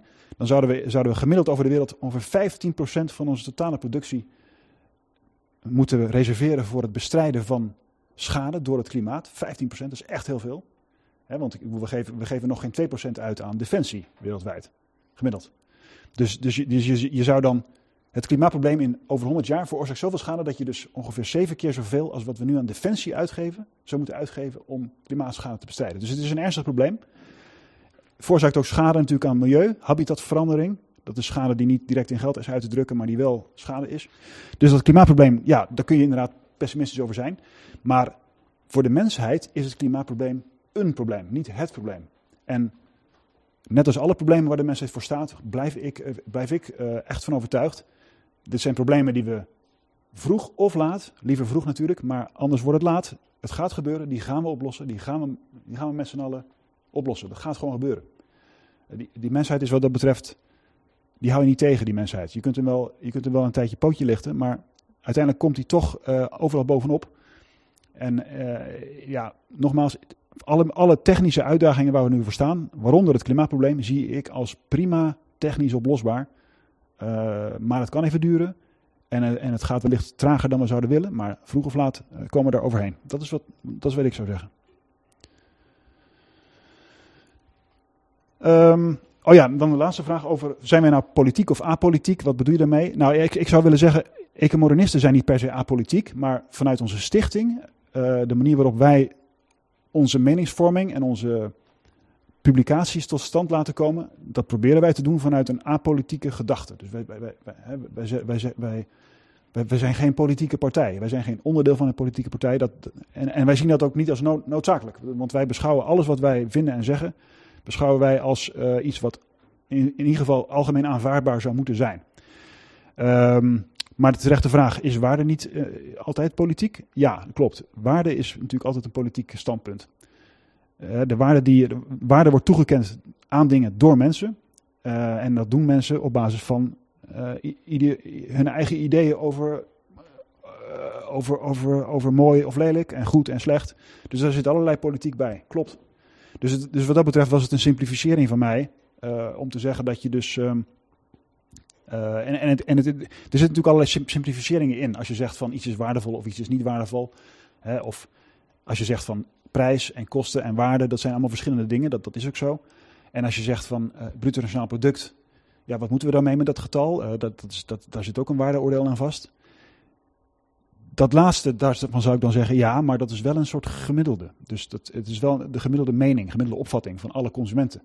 Dus wij, wij zijn allemaal consumenten. Iedereen is consument, of je nou wil of niet. Alles wat jij koopt, alles waar je geld uit geeft, die gezamenlijkheid vertegenwoordigt eigenlijk de waarde die wij dan gemiddeld genomen toekennen aan de dingen. Zo zou je dat kunnen zien. En dat individueel verschilt het natuurlijk, maar als collectief heb je wel degelijk te maken met een ja, geen objectieve bepaling van wat waardevol is of niet, maar in ieder geval, in ieder geval kun je kwantificeren dat we met z'n allen gemiddeld gesproken een hele set aan dingen aan een hele set aan goederen en diensten bepaalde waarden toekennen. En op die manier zou je dus, kun je dus toch een hoop kwantificeren. Ondanks het feit dat wat waardevol is voor de een, is waardeloos voor de ander en andersom. Dat zal je altijd wel hebben. En, en voor de rest, ja, de, toekenning van waarde is natuurlijk heel diep filosofisch. Hè? Ik, ik, had ook willen, ik had het ook nog willen hebben over materialisme en spirit, spiritualisme natuurlijk. mensen zijn in principe spiritueel. Uh, dus dus de, de, materie is vergankelijk. We gaan allemaal dood. Dus we hebben, allemaal hebben we in meer, meer of mindere mate hebben een, ook een spirituele, spirituele beleving die losstaat van de materie. Dus, dus, dus dat, is, dat, daar kun je het ook nog over hebben. Maar in ieder geval, er is wel degelijk ook een materiële werkelijkheid en een materiële, materieel bestaan. Hè, ons lichaam, we zitten vast in ons lichaam.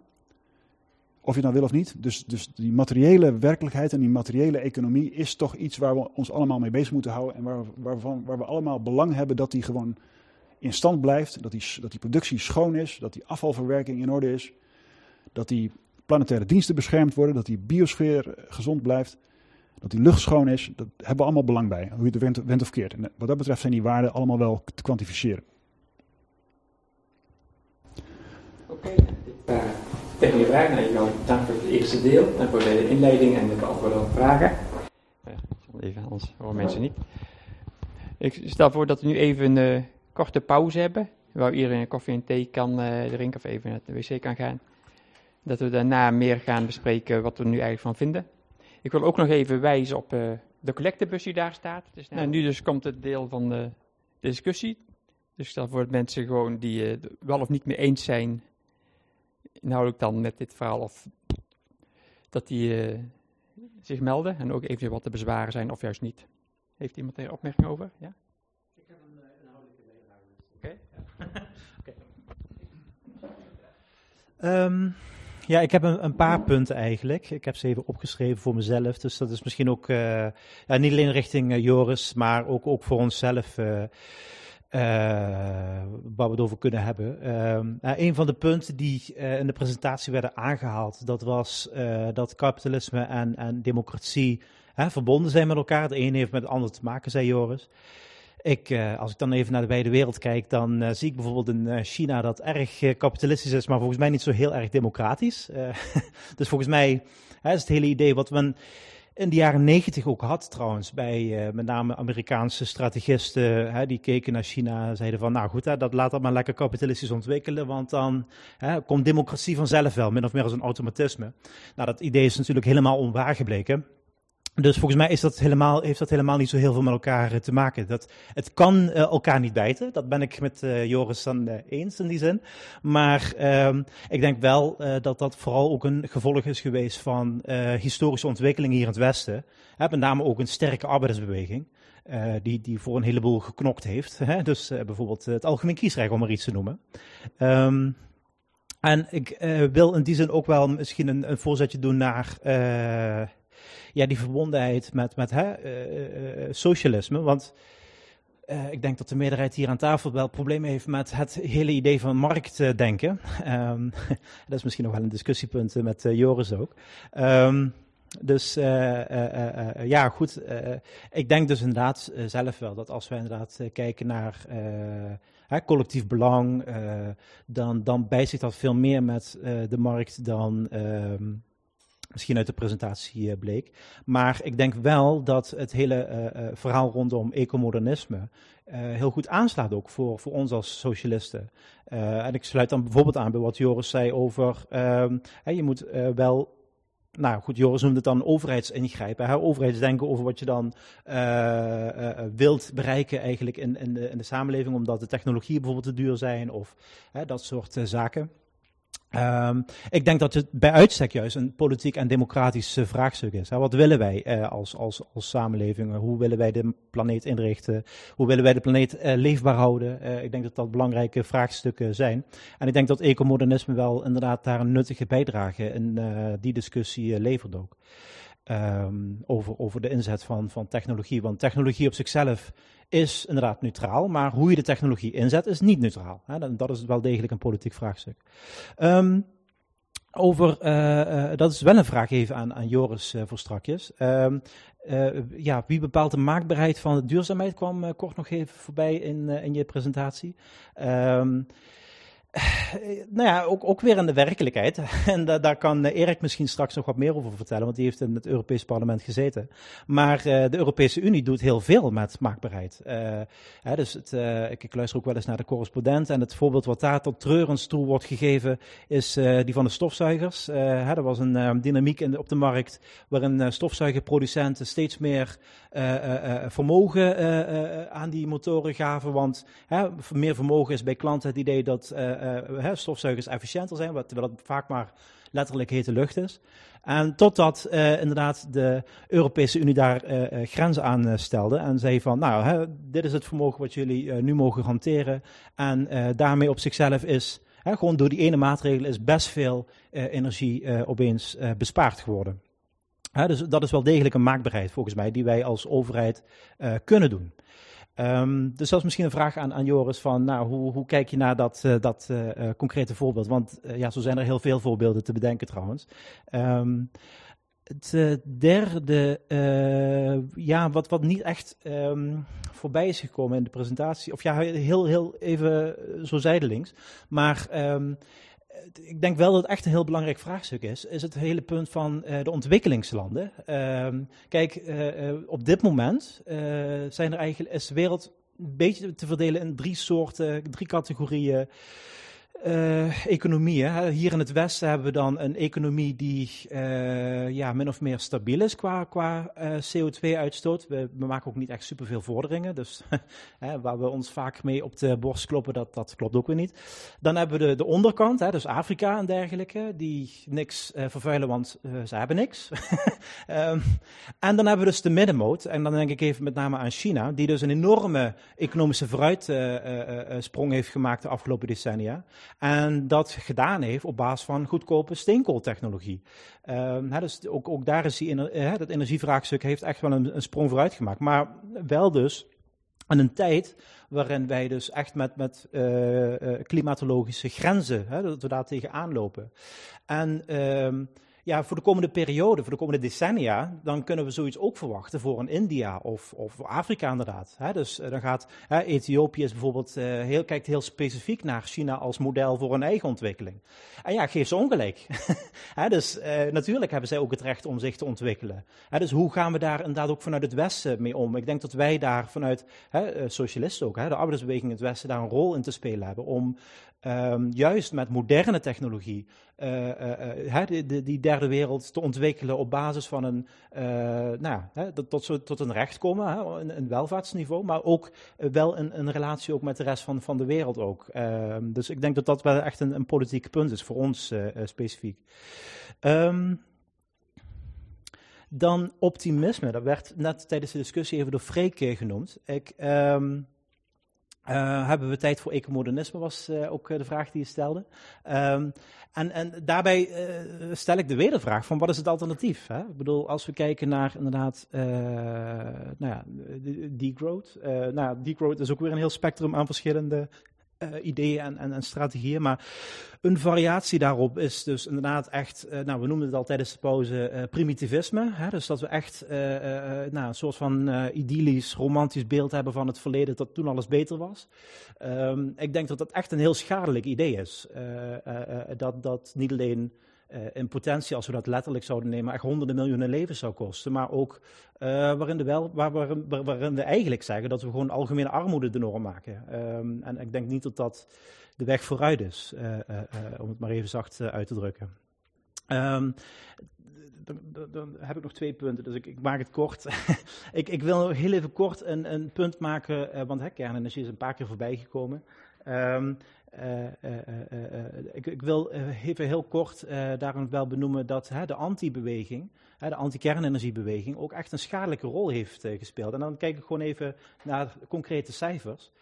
dus op dit moment, um, en ik ben heel even de website kwijt waar dat op stond. Maar goed, dat is een website die in de gaten houdt hoeveel over de jaren heen wij aan CO2-arme energiebronnen wij hebben. dus op dit moment is dat blijkbaar 37,7% van onze, energie komt van CO2-arme bronnen. Nou, dan denk je dat is best een nette score. Maar als we dan kijken, hè, dan kun je mooi met die slide terug in de tijd. En als je dan bij 1995 komt, dan zit je op 37,69 procent. Dus met andere woorden, in 25 jaar tijd pak een beet zijn we 0,01 procent vooruit gegaan in de doelstellingen om naar uh, minder CO2 te gaan. Dus en dat, dat, is dan ten koste vooral van, van, van, van kernenergie en ook voor een deel waterkracht. En uh, ten faveur van hè, zon en wind die het dan, uh, dat gat hebben opgevuld. Maar netto zijn we eigenlijk nauwelijks iets opgeschoten. Dus ik denk dan echt, waar zijn we in godsnaam mee bezig? Hè, want we zitten inderdaad tegen een limiet aan. En um, Um, ja, ik, ik vind wel uh, dat, dat we die discussie ook op links hè, breder moeten voeren. Ook van, wat, van hè, wat, wat moeten we hier uh, eigenlijk mee? Uh, laatste punt, en dat is gewoon even kort een, een antwoord op de vraag over kernafval. Um, en de technologie bestaat om dit gewoon inderdaad op te lossen. Hè. Dat, dat ker, kernafval op een gegeven moment maar hè, 300 jaar radioactief is. En dat kunnen we prima opslaan, dat is allemaal geen probleem. De punt is alleen dat de technologie, de kwikreactoren die daarvoor ontwikkeld worden, uh, zijn op dit moment nog niet economisch interessant. En dan sluit weer aan op het punt wat, Joris maakte over wanneer wordt iets economisch interessant. Want dan begint het ook zich te, te ontwikkelen. Er is simpelweg nog veel te veel uranium. dat, is, dat is eigenlijk het korte verhaal. Um, en uh, ook wel interessant om te noemen, het slaat ook weer aan op de antibeweging, is dat toen inderdaad concrete technologie werd ontwikkeld om dit probleem op te lossen. En dan denk ik even aan de Kalkar-centrale. Uh, wat dus een snelle kweekreactor was. Uh, toen uh, was de antibeweging ook daarmee vooral bezig om dat te saboteren. Nou goed, um, ik geef hem dan door. Ik, ja? Voordat we eerst even de rond geven, ja, dat iedereen de kans krijgt om op te zeggen. Prima, dankjewel. logisch dossier, wat toch meer op de agenda zou mogen staan, is het aantal mensen wat op aarde een prettig bestaan kan hebben.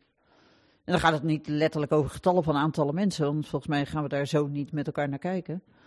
Maar het is wel een dossier wat je in ieder geval bij uh, religies nooit echt uh, duidelijk hebt gehoord. En nadert nu wel een punt dat zelfs alle grote wereldreligies zoiets gaan hebben van deze kant kan het niet op blijven gaan. En die hebben altijd gezegd, nou, we hebben eindelijk gewoon de groei van de mensheid. Maar ja, als we nou kijken naar hoe we dat dan met z'n allen gaan in elkaar gaan zetten op aarde, dan is er bijna geen haalbare kaart meer om te zeggen, nou, we gaan van de 8, nou, doen we dan maar 19, 9 miljard. Gaan we dan uiteindelijk doorschuiven naar 10 miljard? Hoe lang gaan we dat zo doen? En dat blijft een uh, interessant dossier wat uh, meer op de agenda zou mogen staan en wat uh, nog veel te weinig op de agenda staat. Het aantal mensen met alle gewoon op die ene planeet kan bestaan en dan wel een beetje vriendelijk bestaan. Daar staan wel socialisten wel voor, dat mensen gewoon een vriendelijk en prettig bestaan kunnen hebben met elkaar. En daar lijkt het niet meer zo op. Dus. Ik heb geen echt uitgesproken mening, maar ik vond het een heel interessante presentatie. En ik denk dat ik het ecomodernisme manifest ook wel ga bekijken op de website. En misschien ook ga mede ondertekenen. Um, ten eerste vind ik het uh, een beetje belangrijk om vragen te stellen bij het punt dat uh, catastrofale consequenties van klimaatverandering ver in de toekomst liggen. Want dat is naar mijn mening niet echt waar. Misschien als je kijkt naar Nederland is dat niet echt waar. Of kan je dat stellen. Maar als je kijkt naar de derde wereld zijn er al heel erg veel consequenties van klimaatverandering te merken.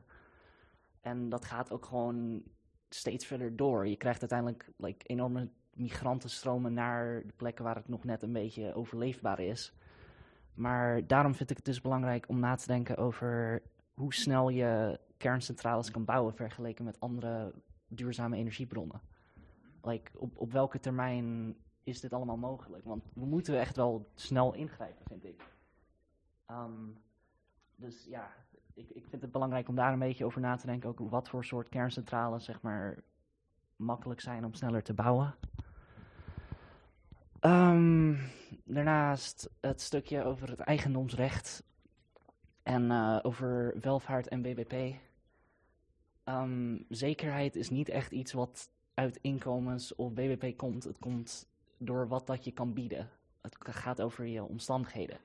Like, als je de zekerheid van bijvoorbeeld huisvesting um, en dat soort dingen al hebt zonder privé-eigendom, dan denk ik dat je individuele vrijheid en ontplooiing kan bewaren zonder eh, je zo erg te focussen op dat eigendomsrecht. Ehm, verder vind ik een andere belangrijke kwestie die niet heel erg genoemd is in deze presentatie, de kwestie van vervoer. Want dat is een enorme contributie van de CO2-uitstoot, like iets van 30% volgens mij. Ehm, en het is daar belangrijk om over na te denken hoe we dat gaan aanpakken. Ehm, openbaar vervoer en fiets en auto. De balans daarvan ligt nu heel erg aan de auto en dat is deels ook een consequentie van de marktwerking. Like, dat wordt in stand gehouden door een industrie, door een lobby. Ehm, en ik vind dat we ons een beetje moeten richten op openbaar vervoer en op fietsen. Ehm, er werd genoemd dat fietsen lastige oplossingen zijn als je niet een plat land hebt, maar daar ben ik het niet mee eens. Het is wel degelijk mogelijk om fietsinfrastructuur te hebben, zelfs als je een niet plat land hebt. En er zijn ook in Nederland obstakels voor fietsen. Ik bedoel, je hebt bijvoorbeeld het feit dat het land zo plat is, dat zorgt voor enorme wind. En dat, nou ja, dat heeft iedereen hier wel gemerkt volgens mij op een gegeven moment in hun leven. Ehm, ja, verder nog dat punt van kapitalisme en democratie. Ehm, dat is niet echt inherent aan elkaar gebonden. En om nog een ander voorbeeld te noemen, in 1991 heb je in Oost-Europa, uh, zeg maar, shock therapy. De invoering van marktwerking op een onbeperkte manier waar dat voorheen niet zo was. En in Rusland heeft dat niet echt geleid tot democratie. Dat merken we volgens mij, dat, dat staat nogal bekend. Um, kapitalisme heeft daar geleid tot de afbraak van de democratie, eigenlijk. Um, dus ja. Verder had ik eigenlijk nog een beetje een vraag op wat de visie van ecomodernisme is op dingen als rewilding. Um, zeg maar de uitbreiding van natuurgebieden en zo. Wat, wat is de visie daarop eigenlijk? Hoe willen we dat gaan aanpakken? Wat, moet, wat voor soort land moet vervangen worden met natuurgebieden? Hoe willen we dat gaan regelen? Um, ja, dat, dat is het zo'n beetje. Allereerst het, discussiepunt dat Emiel al aan de orde stelde, naar aanleiding van de inleiding van Joris. Uh, de verhouding tussen kapitalisme en, en democratie. Ik denk dat het een illusie is. Kijk, in, in een liberale, misschien een wat meer links-liberale opvatting, uh, zijn ze met elkaar verbonden. In die zin dat er geen monopolies bestaan. Niet een eenpartijstelsel en ook niet een uh, overheid die de economie uh, als enige in handen heeft. Dat is een beetje de achterliggende gedachte. Maar ik denk dat we allerlei praktijkvoorbeelden kunnen zien van zowel combinaties tussen kapitalisme en dictatuur. Hitler-Duitsland was daar een uh, meest uitgesproken voorbeeld van. Maar je kunt ook voorbeelden hebben van socialisme en democratie. Ik denk dat het systeem van arbeiders zelfbeheer, zoals het bestond in het voormalige Joegoslavië, een voorbeeld was van die kant van de zaak. Dus alle combinaties zijn in dat opzicht mogelijk. En niet alleen die ene waarin kapitalisme en democratie met elkaar verbonden zijn. Dat is een mogelijke combinatie, zoals we die hier ook in onze Nederlandse samenleving uh, kennen. Maar het is ook op een andere manier mogelijk. Uh, wat ik essentiëler vind even in deze discussie, dat is, uh, Joris gaf aan, uh, ook naar alleen van het feit van waar we de vorige bijeenkomst over gehad hebben, de verhouding tussen degrowth en uh, en modernisme. Ik denk dat het goed is dat er aan beide kanten denktanks bestaan. Mensen die hierover nadenken, over de consequenties. Dat is iets anders dan dat we ons als socialisten bijvoorbeeld met een van die opvattingen bijvoorbeeld zouden moeten vereenzelvigen. Ik denk dat er uh, wat dat betreft een ingewikkelde afweging uh, aan vastzit. Kijk, ooit, of laat ik eerst aangeven, van, ik denk dat het als socialisten belangrijk is om wel degelijk de kritiek die er is geweest in de loop der decennia op kernenergie serieus te nemen. En aan de andere kant is daar vaak een dogmatisme uit voortgekomen. Dat zegt voor alle eeuwigheid hebben we iedere vorm van e-, kernenergie verketterd en moet die uitgesloten worden. Zo simpel ligt het ook niet. Uh, dan moet je ook de nadelen van andere vormen van energieopwekking zien. Moet je ook kijken of misschien toekomstige mogelijkheden van kernfusie in plaats van kernsplitsing mogelijkheden zouden kunnen bieden. Kortom, ik ben ervoor om niet de kernenergie te omarmen als de oplossing voor alles. En ook de kernenergie niet dogmatisch uit te sluiten uh, als oplossing voor de toekomst. Ik ben zelf opgegroeid in een tijd waarin kernenergie, ik gaf al het voorbeeld van 1956, uh, redelijk onomstreden was. En wat was toen de redenering? Bij rechts, maar ook bij links, ook bij uiterst links. Van uh, kernenergie, daar hebben we al ervaring mee. De atoombommen op Hiroshima en Nagasaki in 1945. De gewelddadige, de wrede oorlogstoepassing, die kennen we al. Als het mogelijk is om met diezelfde technologie ook een aantal vreedzame doeleinden te uh, bereiken en ons menselijk leven daarmee te verbeteren, moeten we dat op volle kracht omarmen. Dat was eigenlijk de onomstreden uh, positie tot omstreeks 1970. Kernenergie was nog veel minder technisch uitontwikkeld, maar dat was wel de gedachte die er in de publieke opinie leefde. Daarna is er aan de linkerzijde, en ik denk terecht, kritiek ontstaan. Als we die kernenergie alleen maar aan de markt overlaten, alleen maar kernenergie invoeren omdat het bedrijven goed uitkomt, en we daar allerlei andere dingen aan ondergeschikt maken, dan koersen we op een ramp af. En zeker als dat een kernenergie-monopolie gaat worden. En dat heeft opgeroepen dat er allerlei anti-kernenergiebewegingen zijn ontstaan. Eerst aan de rand van de politiek, eh, met de strijd tegen Dodewaard, de Nederlandse eerste kerncentrale die gesloten is. Kalkar, waar Nederland, België en Duitsland samen probeerden om een grote kernenergie van de grond te brengen. En wat daarna een zwembad en speeltuin uh, is geworden als gevolg van die, die acties. Dat was allemaal een reactie op het feit van we gaan ons eenzijdig afhankelijk maken van een kernenergie met veel onzekerheden, met een monopoliepositie. Als dat faalt, hebben we niks anders. En als er uh, dingen fout gaan, dan kunnen we voor enorme rampen komen te staan. Dat heeft wat dogmatisch geleid tot de conclusie van nooit en te nimmer die kernenergie toepassen. Dat is iets duivels. Uh, en dat heeft, die opvatting, heeft de milieubeweging, de vakbeweging, de linkse politieke partijen in grote mate overtuigd. Zijn uitzonderingen op de Franse en de Tsjechische communisten in landen waar men in hoge mate van kernenergie afhankelijk is, die zweren bij kernenergie, want ja, ze hebben zowel in Frankrijk als in Tsjechië nooit een grote ramp gehad. En ze kunnen dus vooral de voordelen ervan overzien en niet de nadelen ervan. Uh, ik denk dat we nu uh, veel meer in de richting uh, moeten van. nou, ik denk dat het belangrijk is geweest dat er een brede beweging is geweest die de kernenergie heeft afgewezen of vertraagd. Als dat niet was gebeurd, waren de windmolens en de zonnepanelen en de waterstuurdammen en uh, andere groene technologieën waren nooit van de grond gekomen. Er was er voortdurend geroepen, dat is geldverspilling, dat is achterhaald, dat is ouderwets, uh, daar moeten we niet aan gaan beginnen. Uh, kernenergie heeft alles al opgelost. En ja, op het moment dat dan die kernenergie ergens in faalt, dan zitten we dus zonder energie. Nou, ik denk dat dat de verdienste is geweest van de strijd tegen de kernenergie. Op dit ogenblik krijgen we ook te maken met een aantal andere effecten. Het is niet voor niets dat in Duitsland een groene minister van Economische Zaken toch maar ertoe bijdraagt om de kerncentrales uh, langer open te houden. Dat in België een groene minister van Milieu en Energie ertoe bijdraagt dat de kerncentrales langer worden opengehouden. Want wat er wel veranderd is, dat is dat een aantal jaren terug we nog dachten van nou steenkool, dat is niet ideaal, dat moeten we eigenlijk uitfaseren. Maar het is toch wel verre te verkiezen boven die vieze, uh, gevaarlijke kernenergie. Die opvatting is aan het verschuiven.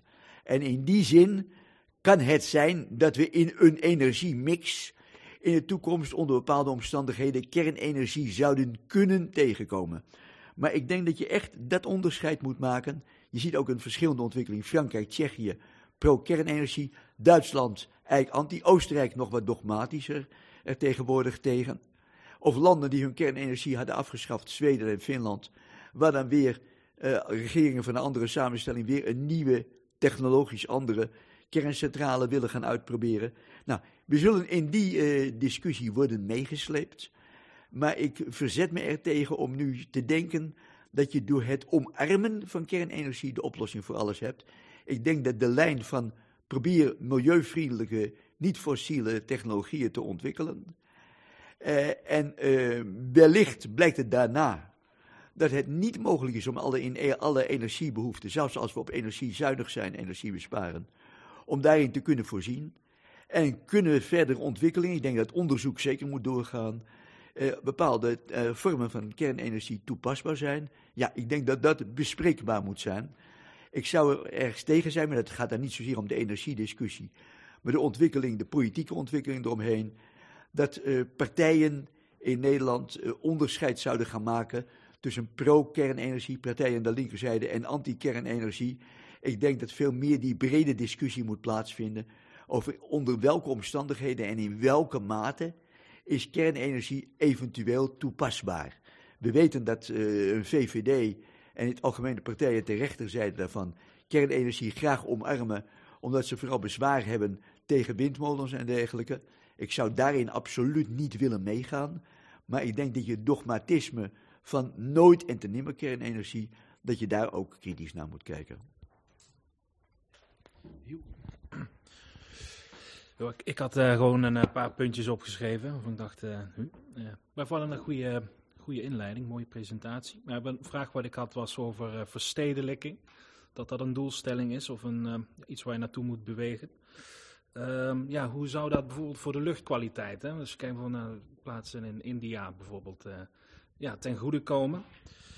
Um, even kijken, wat had ik nog? Hoe, ja, in het begin inderdaad onlosmakelijk verbonden. Uh, ook met de armoedebestrijding, dus uh, armoede uitroeien. Uh, daar heb ik ja, niet zoveel middelen over gehoord. Wat, hoe dan? Hoe dan? Bijvoorbeeld dat puntje bijvoorbeeld van bruto binnenlands product, BBP. Dat als die zou stagneren of, of terugvallen, waarom zou dat inderdaad ja, mensenrechten in het geding doen laten vallen? Um, bijvoorbeeld als, ja, als we kijken rijk en arm, de rijk uh, als op een gegeven moment de rijken iets minder gaan verdienen, gaat de BBP omlaag. Maar die ongelijkheid, die, gaat weer, uh, die wordt dan als het ware bestreden. En even kijken, wat had ik nog? Ja, bijvoorbeeld dat plant, oh ja, dat, dat plant obsolescence. Dat geef je aan dat het niet bestaat, maar je, dan neem je bijvoorbeeld de, de stofzuiger aan. Ja, inderdaad, als consument dan zit je er inderdaad niet op te wachten om iedere maand een nieuwe stofzuiger uh, te shoppen. Um, maar bijvoorbeeld uh, ja, de, de, kledingindustrie, daar is dat wel degelijk uh, van sprake. Van planned obsolescence. Ik ga hem doorgeven. Ja, ik heb ook een aantal punten, niet alleen rond energie. Dus u zegt dat eigendomsrecht is, ja, bijna heilig is. Maar hoe verzoenbaar is het met meer natuur? Bijvoorbeeld bij de huidige boerenprotesten. Dat is al een, ja, een eerste voorbeeld van, ja, van de van botsing van onze strijd tot meer natuur, minder uh, vervuiling en hun recht om ja, de zaak van hun ouders voor te zetten. Dus in welke mate zijn wij als maatschappij bereid om die eigendomsrecht te respecteren en is het ja, in alle gevallen wenselijk? Ja, ten tweede, ja, de rol van de markt in, uh, ja, in de strijd tegen uh, de ja, klimaatopwarming, dus onze energievoorzieningen. Ik zie wel toch een aantal problemen. Eerst het eigenaar-huurder probleem. Dus bijvoorbeeld bij alle woningen. Dus uh, als eigenaar zijn alle negatieve externaliteiten aan jou. Dus je wil per se een warmtepomp uh, ja, kopen en installeren, omdat het uh, ja, je goedkoper op termijn zal zijn. Maar als verhuurder kan je die negatieve externaliteiten naar de huurder verschuiven. Dus je koopt gewoon een gasketel en de huurder betaalt. Dus hoe kunnen wij dat aan de markt overlaten? Ten derde, ja, de elektriciteitsgeneratie. Dus onze huidige Apex-markt is uh, gebouwd voor, de, ja, voor de centrales met kleine bouwkosten, dus vooral gascentrales en hoge, ja, hoge um, brandstofkosten. Dus jij als uh, gascentrale bepaalt toch uh, welke prijzen op de markt uh, nu zijn. En de, ja, minder, um, ja, de technologieën met minder gunstige ratio tussen die kosten ja, hebben het moeilijk. Dus als kernenergie heb je problemen niet zozeer uh, ja, van de antinucleaire bewegingen, maar wel financiële problemen. Hoe geld uh, dat te lenen om ja, gedurende ja, 10, 12 jaar dat te bouwen en dat terug te verdienen als niet jij de prijs bepaalt. Ja, zo. Ähm, ja, nö, mit äh, Demokratie und Kapitalismus, äh, denke ich, sage ich nichts. Äh, da waren echt äh, coole äh, Dinge all gesagt. Äh, mal in, in kleinen Pünktchen äh, da, Misrin. Ähm, ich denke, dass das auch belangrijk is. En heb je ook um, um, ja, tariert uh, in je uh, inleiding. Dat dit ook een probleem van de, van de nationale concurrentie in unsere nu Weltsystem ähm, ist. Und ich denke, das ist auch eine ein belangrijke kwestie für, für, ja, für die Milieubewegung und Express bei der Klimat ist. So als wir müssen sehen mit der, der Beispiel von Emil mit, mit China. Und das ist ja nicht allein der Outstoot von China, ist nicht großenteils von wegen der äh, Grühe von der Weltfahrt in China. Das ist ein Unterteil. Aber der größte Unterteil ist ja für den Export en dat wij dit nu consumeren. En dat is ook een beetje, mm, ja, iets wat ik een beetje teleurstellend vond uh, bij, de, bij de inleiding. Ik denk het is heel belangrijk dat we elke cijfer die we in de discussie nemen, echt goed bekijken. Omdat je met, de met verschillende berekeningen heel verschillende uh, argumentaties uh, kan opbouwen. Bijvoorbeeld, kijk je naar de CO2 van de productie of kijk je naar de CO2 van de consumptie. En dat is dan pro land heel verschillend, omdat we heel veel uh, van onze alltäglichste consumptie, bijvoorbeeld klederen, niet in Nederland of in Europa nu produceren, maar die importeren met, uh, ja, ook vanwege de, de zee. Uh, dus ja, dat is ook um, van de vervoerder. Uh, of ein Vorbild, mit der ich äh, früher gewerkt habe, mit Futzelsysteme. Und da snapp ich echt nicht, wie man äh, die, ja, als ich, als ich nu ankijkt, dynamischste Regio für, für neue äh, Futzelsysteme auf, auf äh, de Worsteling um de Futzelsysteme ist, ist Afrika. Als je naar de cijfers van, van ACRA, de uh, Alliance for the Green Revolution in Afrika, uh, kijkt, ik snap helemaal niet wie man nu met de hedendaagse uh, technologie echt zeggen kan dat we daar iets beter maken, omdat de, de cijfers van de, van de uh, behoefte aan, aan ruimte echt niet positief is. En ook als je naar uh, vroegere uh, voorbeelden kijkt uh, met de groene revolutie in, in India, volgens mij is dit niet van, de, van, de, van de economische situatie uh, voor de hele land niet helemaal misgegaan, maar is ook echt geen, geen goede voorbeeld. Ik, ik snap dit gewoon niet. Maar misschien is het ook een beetje een uh, specifieke onderwerp. Ik weet niet of dit zo belangrijk is. Dankjewel. Um, ja, ik wil nog even heel even ingaan op het puntje wat Emiel eerder bracht van mijn punt over pessimisme.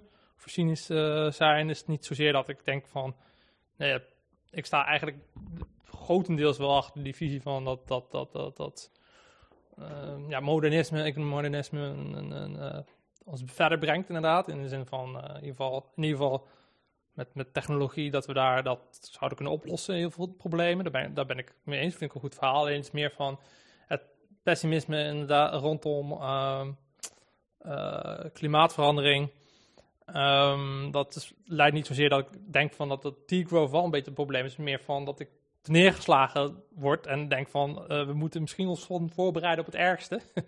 uh, wat eigenlijk niet per se al- hoort bij de traditie, denk ik, van, eh, eh, van socialisme, van juist strijden, strijden voor eh, het geloven in een betere toekomst. En ik denk dat we daar misschien, wat ik wel helemaal geen onheilsprofeet zijn. Ik denk niet dat dat een per se een hele, ehm, eh, hand, of ja, hele tactische, hele, hele want ja, je krijgt er waarschijnlijk voornamelijk mensen depressief mee. en dat helpt eigenlijk niemand nu, natuurlijk verder. Je wordt er, ehm, ehm, ja, wordt daar geen betere activist van, denk ik. Dus ja, dus moeten we kijken van hoe, hoe, hoe zorgen we dat we dat niet, hoe zorgen we dat we eigenlijk dat, eh, eh, die hoop in een betere toekomst niet verliezen. En ehm, ja, dat, daar zouden we dan wat meer moeten naar kijken van, van eh, ze hebben hebben, heeft, de links, heeft de klimaatbeweging, maar ook de socialistische beweging, he- hebben ze er wel goed aan gedaan, hebben we wel goed aan gedaan om, om, om zoveel te hameren op, op, misschien valt het inderdaad mee, of, of, misschien is er nog best wel veel meer ruimte, maar zijn we wel op de goede weg, zijn, zijn, zitten we op de goede weg, wat dat betreft. En dat is niet alleen een socialistische beweging, maar gewoon een hele linkse beweging, die is toch echt van, ja, eh, massa-extinctie en zo. Je wordt er niet per se, eh, ja, wordt er niet per se gemotiveerd daardoor. Dat, dat, dat is meer eh, mijn, mijn, mijn hele punt eigenlijk. Niet zozeer van, eh, want ik denk inderdaad, eh, stel we hadden een, stel we hebben een 200 jaar de tijd, van spreken, dan, dan zou ik zeggen van, nou, dit is inderdaad een heel goed plan. om ons, maar dat, dat is waar je dan een beetje aan begint te twijfelen van, nou, die tijd hebben we niet. En dat is meer mijn punt. Ja. Ja, eh, hallo, wat zal ik vertellen? Ehm, ja, ik vind het in ieder geval een leuk verhaal, eh, inlichtend. Ik, eh, ehm, ken Replanet ook, ben daar ook wel een beetje fan van. Ik weet niet eens precies alle standpunten, en, maar dat geldt ook voor de, het socialisme of de SP. Of, eh, daar ben ik het ook met heel veel niet eens. En ik ben het ook niet met alles eens binnen het ecomodernisme, wat ik ervan weet. Maar eh, een heleboel wel. Eh, dat spreekt me erg aan, vooral kernenergie. s- eh, ehm, heb ik zelf een switch gemaakt. Vroeger was ik heel erg tegen. Lang geleden was ook gekoppeld aan, aan, aan gevaar en kernwapens. En, en nou, laat maar niet doen en zo. Maar in die tijd, dan heb ik het over eh 30, 40 jaar geleden. Toen woog ik nog eigenlijk helemaal niet mee het broeikaseffect. Dat, dat eh, was me helemaal niet zo bewust. Ik was nog jong. Maar in ieder geval, en de ernst daarvan, eh, had ik dat maar wel gedaan. Eh, ja, in mijn eentje had ik niks veranderd. Maar hadden we met z'n allen dat maar gedaan, dan hadden we er nu heel wat beter voor gestaan, denk ik. Ehm, ja, de, de voordelen daarvan. Joris is daar erg voorzichtig in geweest om die te benadrukken.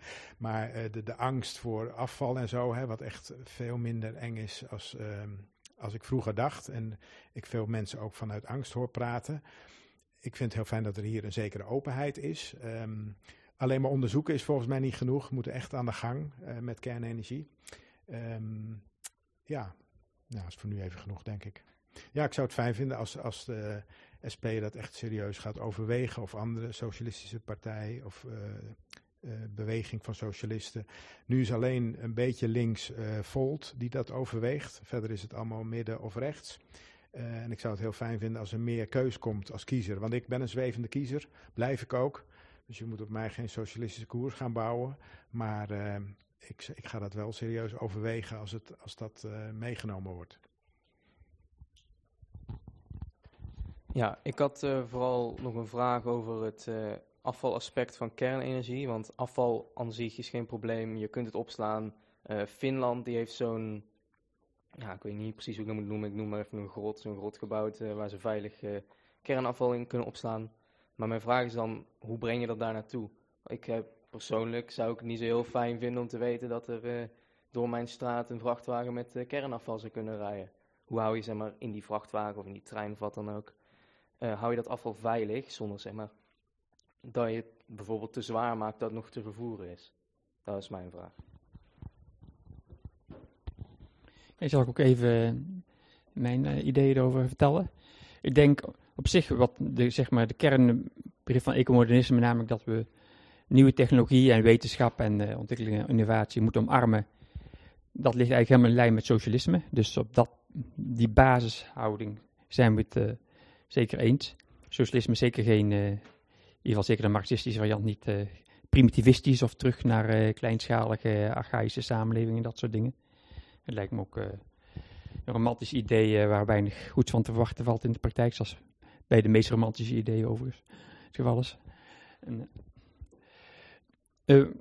maar ja, wat wel een beetje, ja, mijn bezwaar, maar ik zie wel een bepaalde beperking in het ecomodernistisch idee, omdat je dus, zeg maar zegt dat technologie een beetje apolitiek of neutraal is. En daar ben ik het toch niet mee eens.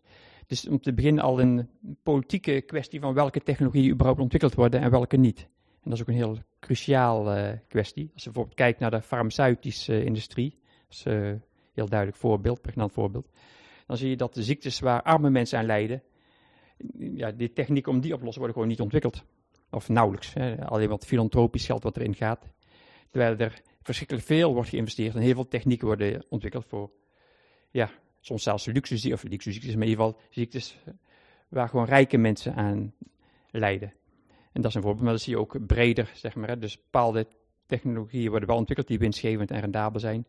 Andere technologieën die misschien maatschappelijk nuttig zijn, maar waar minder aan te verdienen valt, die blijven dan eh, sterk achter. Dus daar zit duidelijk een, een politieke kwestie in. En ook inderdaad, eh, wat anderen zeggen, in de toepassing van technologieën, dat is ook niet neutraal. Als je bijvoorbeeld kijkt naar eh, genetische modificatie. Ja, persoonlijk ben ik van mening dat de moderne technologieën van genetische modificatie eigenlijk over het algemeen betrouwbaarder zijn en minder risico's hebben dan de traditionele eh, technologieën van genetische modificatie. Want zeg maar de klassieke veredelingsmethodes, dat is net zo goed genetische modificatie. En veel mensen weten niet dat dan, wat dan wordt gedaan is, worden, en dat wordt al heel lang gedaan, worden planten bestraald met röntgenstraling en zo om alle mutaties op te wekken. En dat is dan zogenaamd traditionele methode. hè. En die worden bij elkaar gekruist en kijken of daar gunstige eigenschappen naar voren komen. Dat mag wel in Europa, terwijl dat gewoon een ja, heel grove methode is. Terwijl de moderne technieken die veel nauwkeuriger zijn en veel minder genetische schade aanbrengen, dat is dan verboden. En dat- ik zie daar geen wetenschappelijke of argumentatie aan de grondslag. Dat is puur, ja, zijn uit compromissen tussen tegenstrijdige belangen en dan wordt Ja, precies. Dat is heel bizar. Maar wat er wel achter zit, en dat is, wel een reden.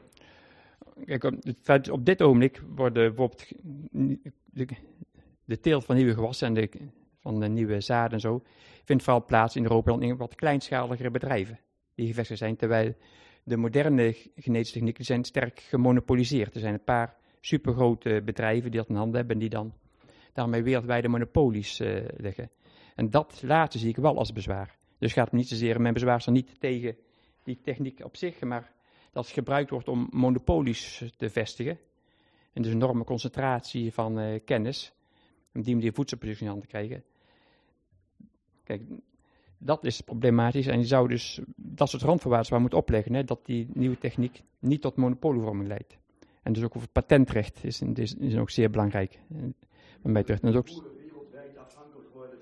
grote bedrijven Precies. zoals Monsanto en, Ja. en dat soort. Ja. En dat is gewoon gevaarlijk, denk ik. Of in ieder geval on- leidt weer tot enorme concentraties van rijkdom bij handen. Dus ik denk als economisten zou je ook naar zaken als patentrecht moeten kijken. En dat zijn dus politieke kwesties, hoe dat op een eerlijke manier kan gebeuren. Dus dat je voorkomt enorme concentraties. En ze- zeker als voor ons socialisten zou dat dus juist de belangrijke politieke kwesties zijn om naar te kijken.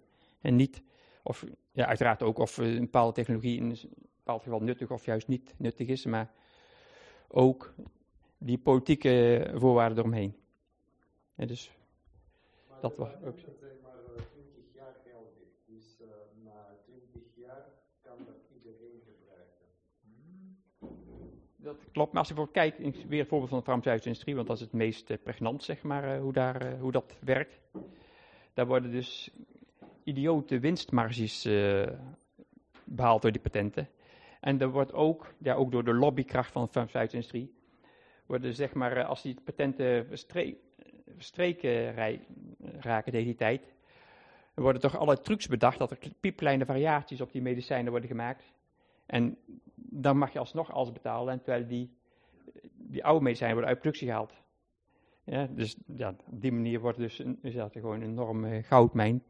In plaats van zeg maar, die winsten te gebruiken om te investeren, wordt die ook uit, worden vooral uit gebruikt om andere producten op te kopen, hè, van die, die wel het risico hebben genomen. Ja, het is gewoon een systeem wat overduidelijk heel slecht functioneert. En zo zijn er meer voorbeelden te noemen. Dus uh, daar zouden wij ons op moeten focussen, denk ik, als socialisten.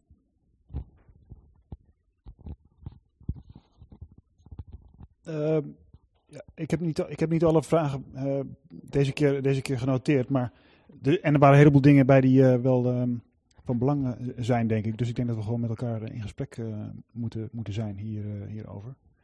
Um, er is één ding wat ik eruit uit had gepikt, dat die maakbaarheid, dat je dus in zekere zin wel maakbaarheid, dat die er wel is. bijvoorbeeld met het voorbeeld van die stofzuigers weer, dat is toch een goed voorbeeld. Wat, wat, ik daarop zou willen zeggen, ja, je moet natuurlijk aan de ene kant zijn mensen vrij om hun geld te besteden waaraan ze willen. Maar aan de andere kant heb je als overheid ook een rol, uh, een nuttige rol, denk ik, om, om, die, over, om, die, uh, om die consument te beschermen tegen wat, wat je eigenlijk kwakzalverij zou kunnen noemen. Dus je hebt, je, hebt een, je hebt een goede fabrikant van stofzuigers. En dan komt er een nieuwe, een, dan komt er een nieuwe producent komt op de markt. Die produceert stofzuigers die lijken erg, erg op de bestaande stofzuiger. Maar in plaats van 20 jaar gaan ze maar 5 jaar mee en gebruiken ze twee keer zoveel energie. En de consument weet niet beter, die denkt van hé, hey, die stofzuiger is iets goedkoper. Ik neem die stofzuiger, want die denkt elke stofzuiger is hetzelfde. En dat is natuurlijk niet zo, want die nieuwe stofzuiger die is gewoon een stuk slechtere kwaliteit. Dat is, dat is een probleem. En uh, de vraag is dan, moet je dan wachten tot die, tot die consument doorheeft dat die nieuwe stofzuiger uh, crappy is, dat die weer terug gaat naar de vorige producent, die misschien wel failliet is, omdat die te duur was, zogenaamd. Dus dat zijn natuurlijk nare, nare effecten. Um, maar goed, ik, ik, zie dat, ik zie dat dan als een probleem waar je inderdaad door, door, door normering kan je daar dat probleem oplossen, deels. Of in ieder geval bestrijden. Maar helemaal wegnemen kun je dat denk ik niet. Uh, ik geloof niet dat je van aan de voorkant al kan bepalen wat producenten wel en niet mogen produceren. Voordat, je überhaupt, voordat ze überhaupt iets hebben geleverd. Of voordat je er überhaupt achter bent gekomen. Dat dat product minder goed is dan het huidige product. Of dat er uh, oneerlijke reclame wordt gemaakt. Je kunt dat monitoren en bestrijden, je kunt het nooit helemaal voorkomen. En je kunt het denk ik ook niet, de schuld voor het bestaan van dat soort praktijken ook niet helemaal uh, in de schuld uh, wijten aan het feit dat er een markt is. Ik denk ook niet dat het heel veel uitmaakt of er wel of geen markt is. dat je dat soort problemen hebt. Dus, dus dat, dat zou ik daarover over willen zeggen. Voor de rest, met, met betrekking tot kernenergie, ja. Ik, ik, de, de, monopolies, hè, er worden dan monopolies gevormd. Of je, of je, hè, stel dat je kernenergie toestaat, stel dat dat gebeurd was in de jaren 50 en we hadden alleen monopolies gehad rondom kernenergie of concentraties van macht. Dat was wellicht gebeurd, uh, maar goed, we hebben daar niet voor gekozen en daardoor hadden we, hebben we concentraties van macht in de fossiele sector. En de vraag is of we daar beter af mee zijn geweest. Um, nou, de vraag of er landen zijn die voorstander van kernenergie zijn, omdat ze daar geen ongeluk hebben gehad. Ja, het grootste ongeluk ter wereld is gebeurd in Oekraïne. Laat nou Oekra Oekraïne zijn het land in, eh, in Europa wat juist het meest investeert in kernenergie. Ze hebben laatst ook besloten om weer, negen nieuwe kerncentrales te gaan bouwen. Terwijl zij notabene Chernobyl hebben meegemaakt. Dus ik denk juist, ik denk dat je echt wel kan zeggen, en dat klinkt misschien gek, maar juist uh, bevolkingsgroepen die ervaring hebben met kernenergie, die ofwel in de buurt van een centrale wonen, ofwel zelf mee hebben gemaakt wat er gebeurt als er een kernongeluk plaatsvindt, zoals in Oekraïne, dat juist dat soort bevolkingsgroepen eigenlijk wel doorhebben dat de angst die er is voor die technologie eigenlijk overdreven is. We zijn eigenlijk bang voor het verkeerde monster. Het echte monster is fossiel. Kernenergie is niet het monster waar we uh, bang voor zouden moeten zijn of hadden moeten zijn, achteraf gesproken. En ik snap wel hoe dat allemaal gegroeid is zo, met allerlei goede bedoelingen en ook terechte zorgen.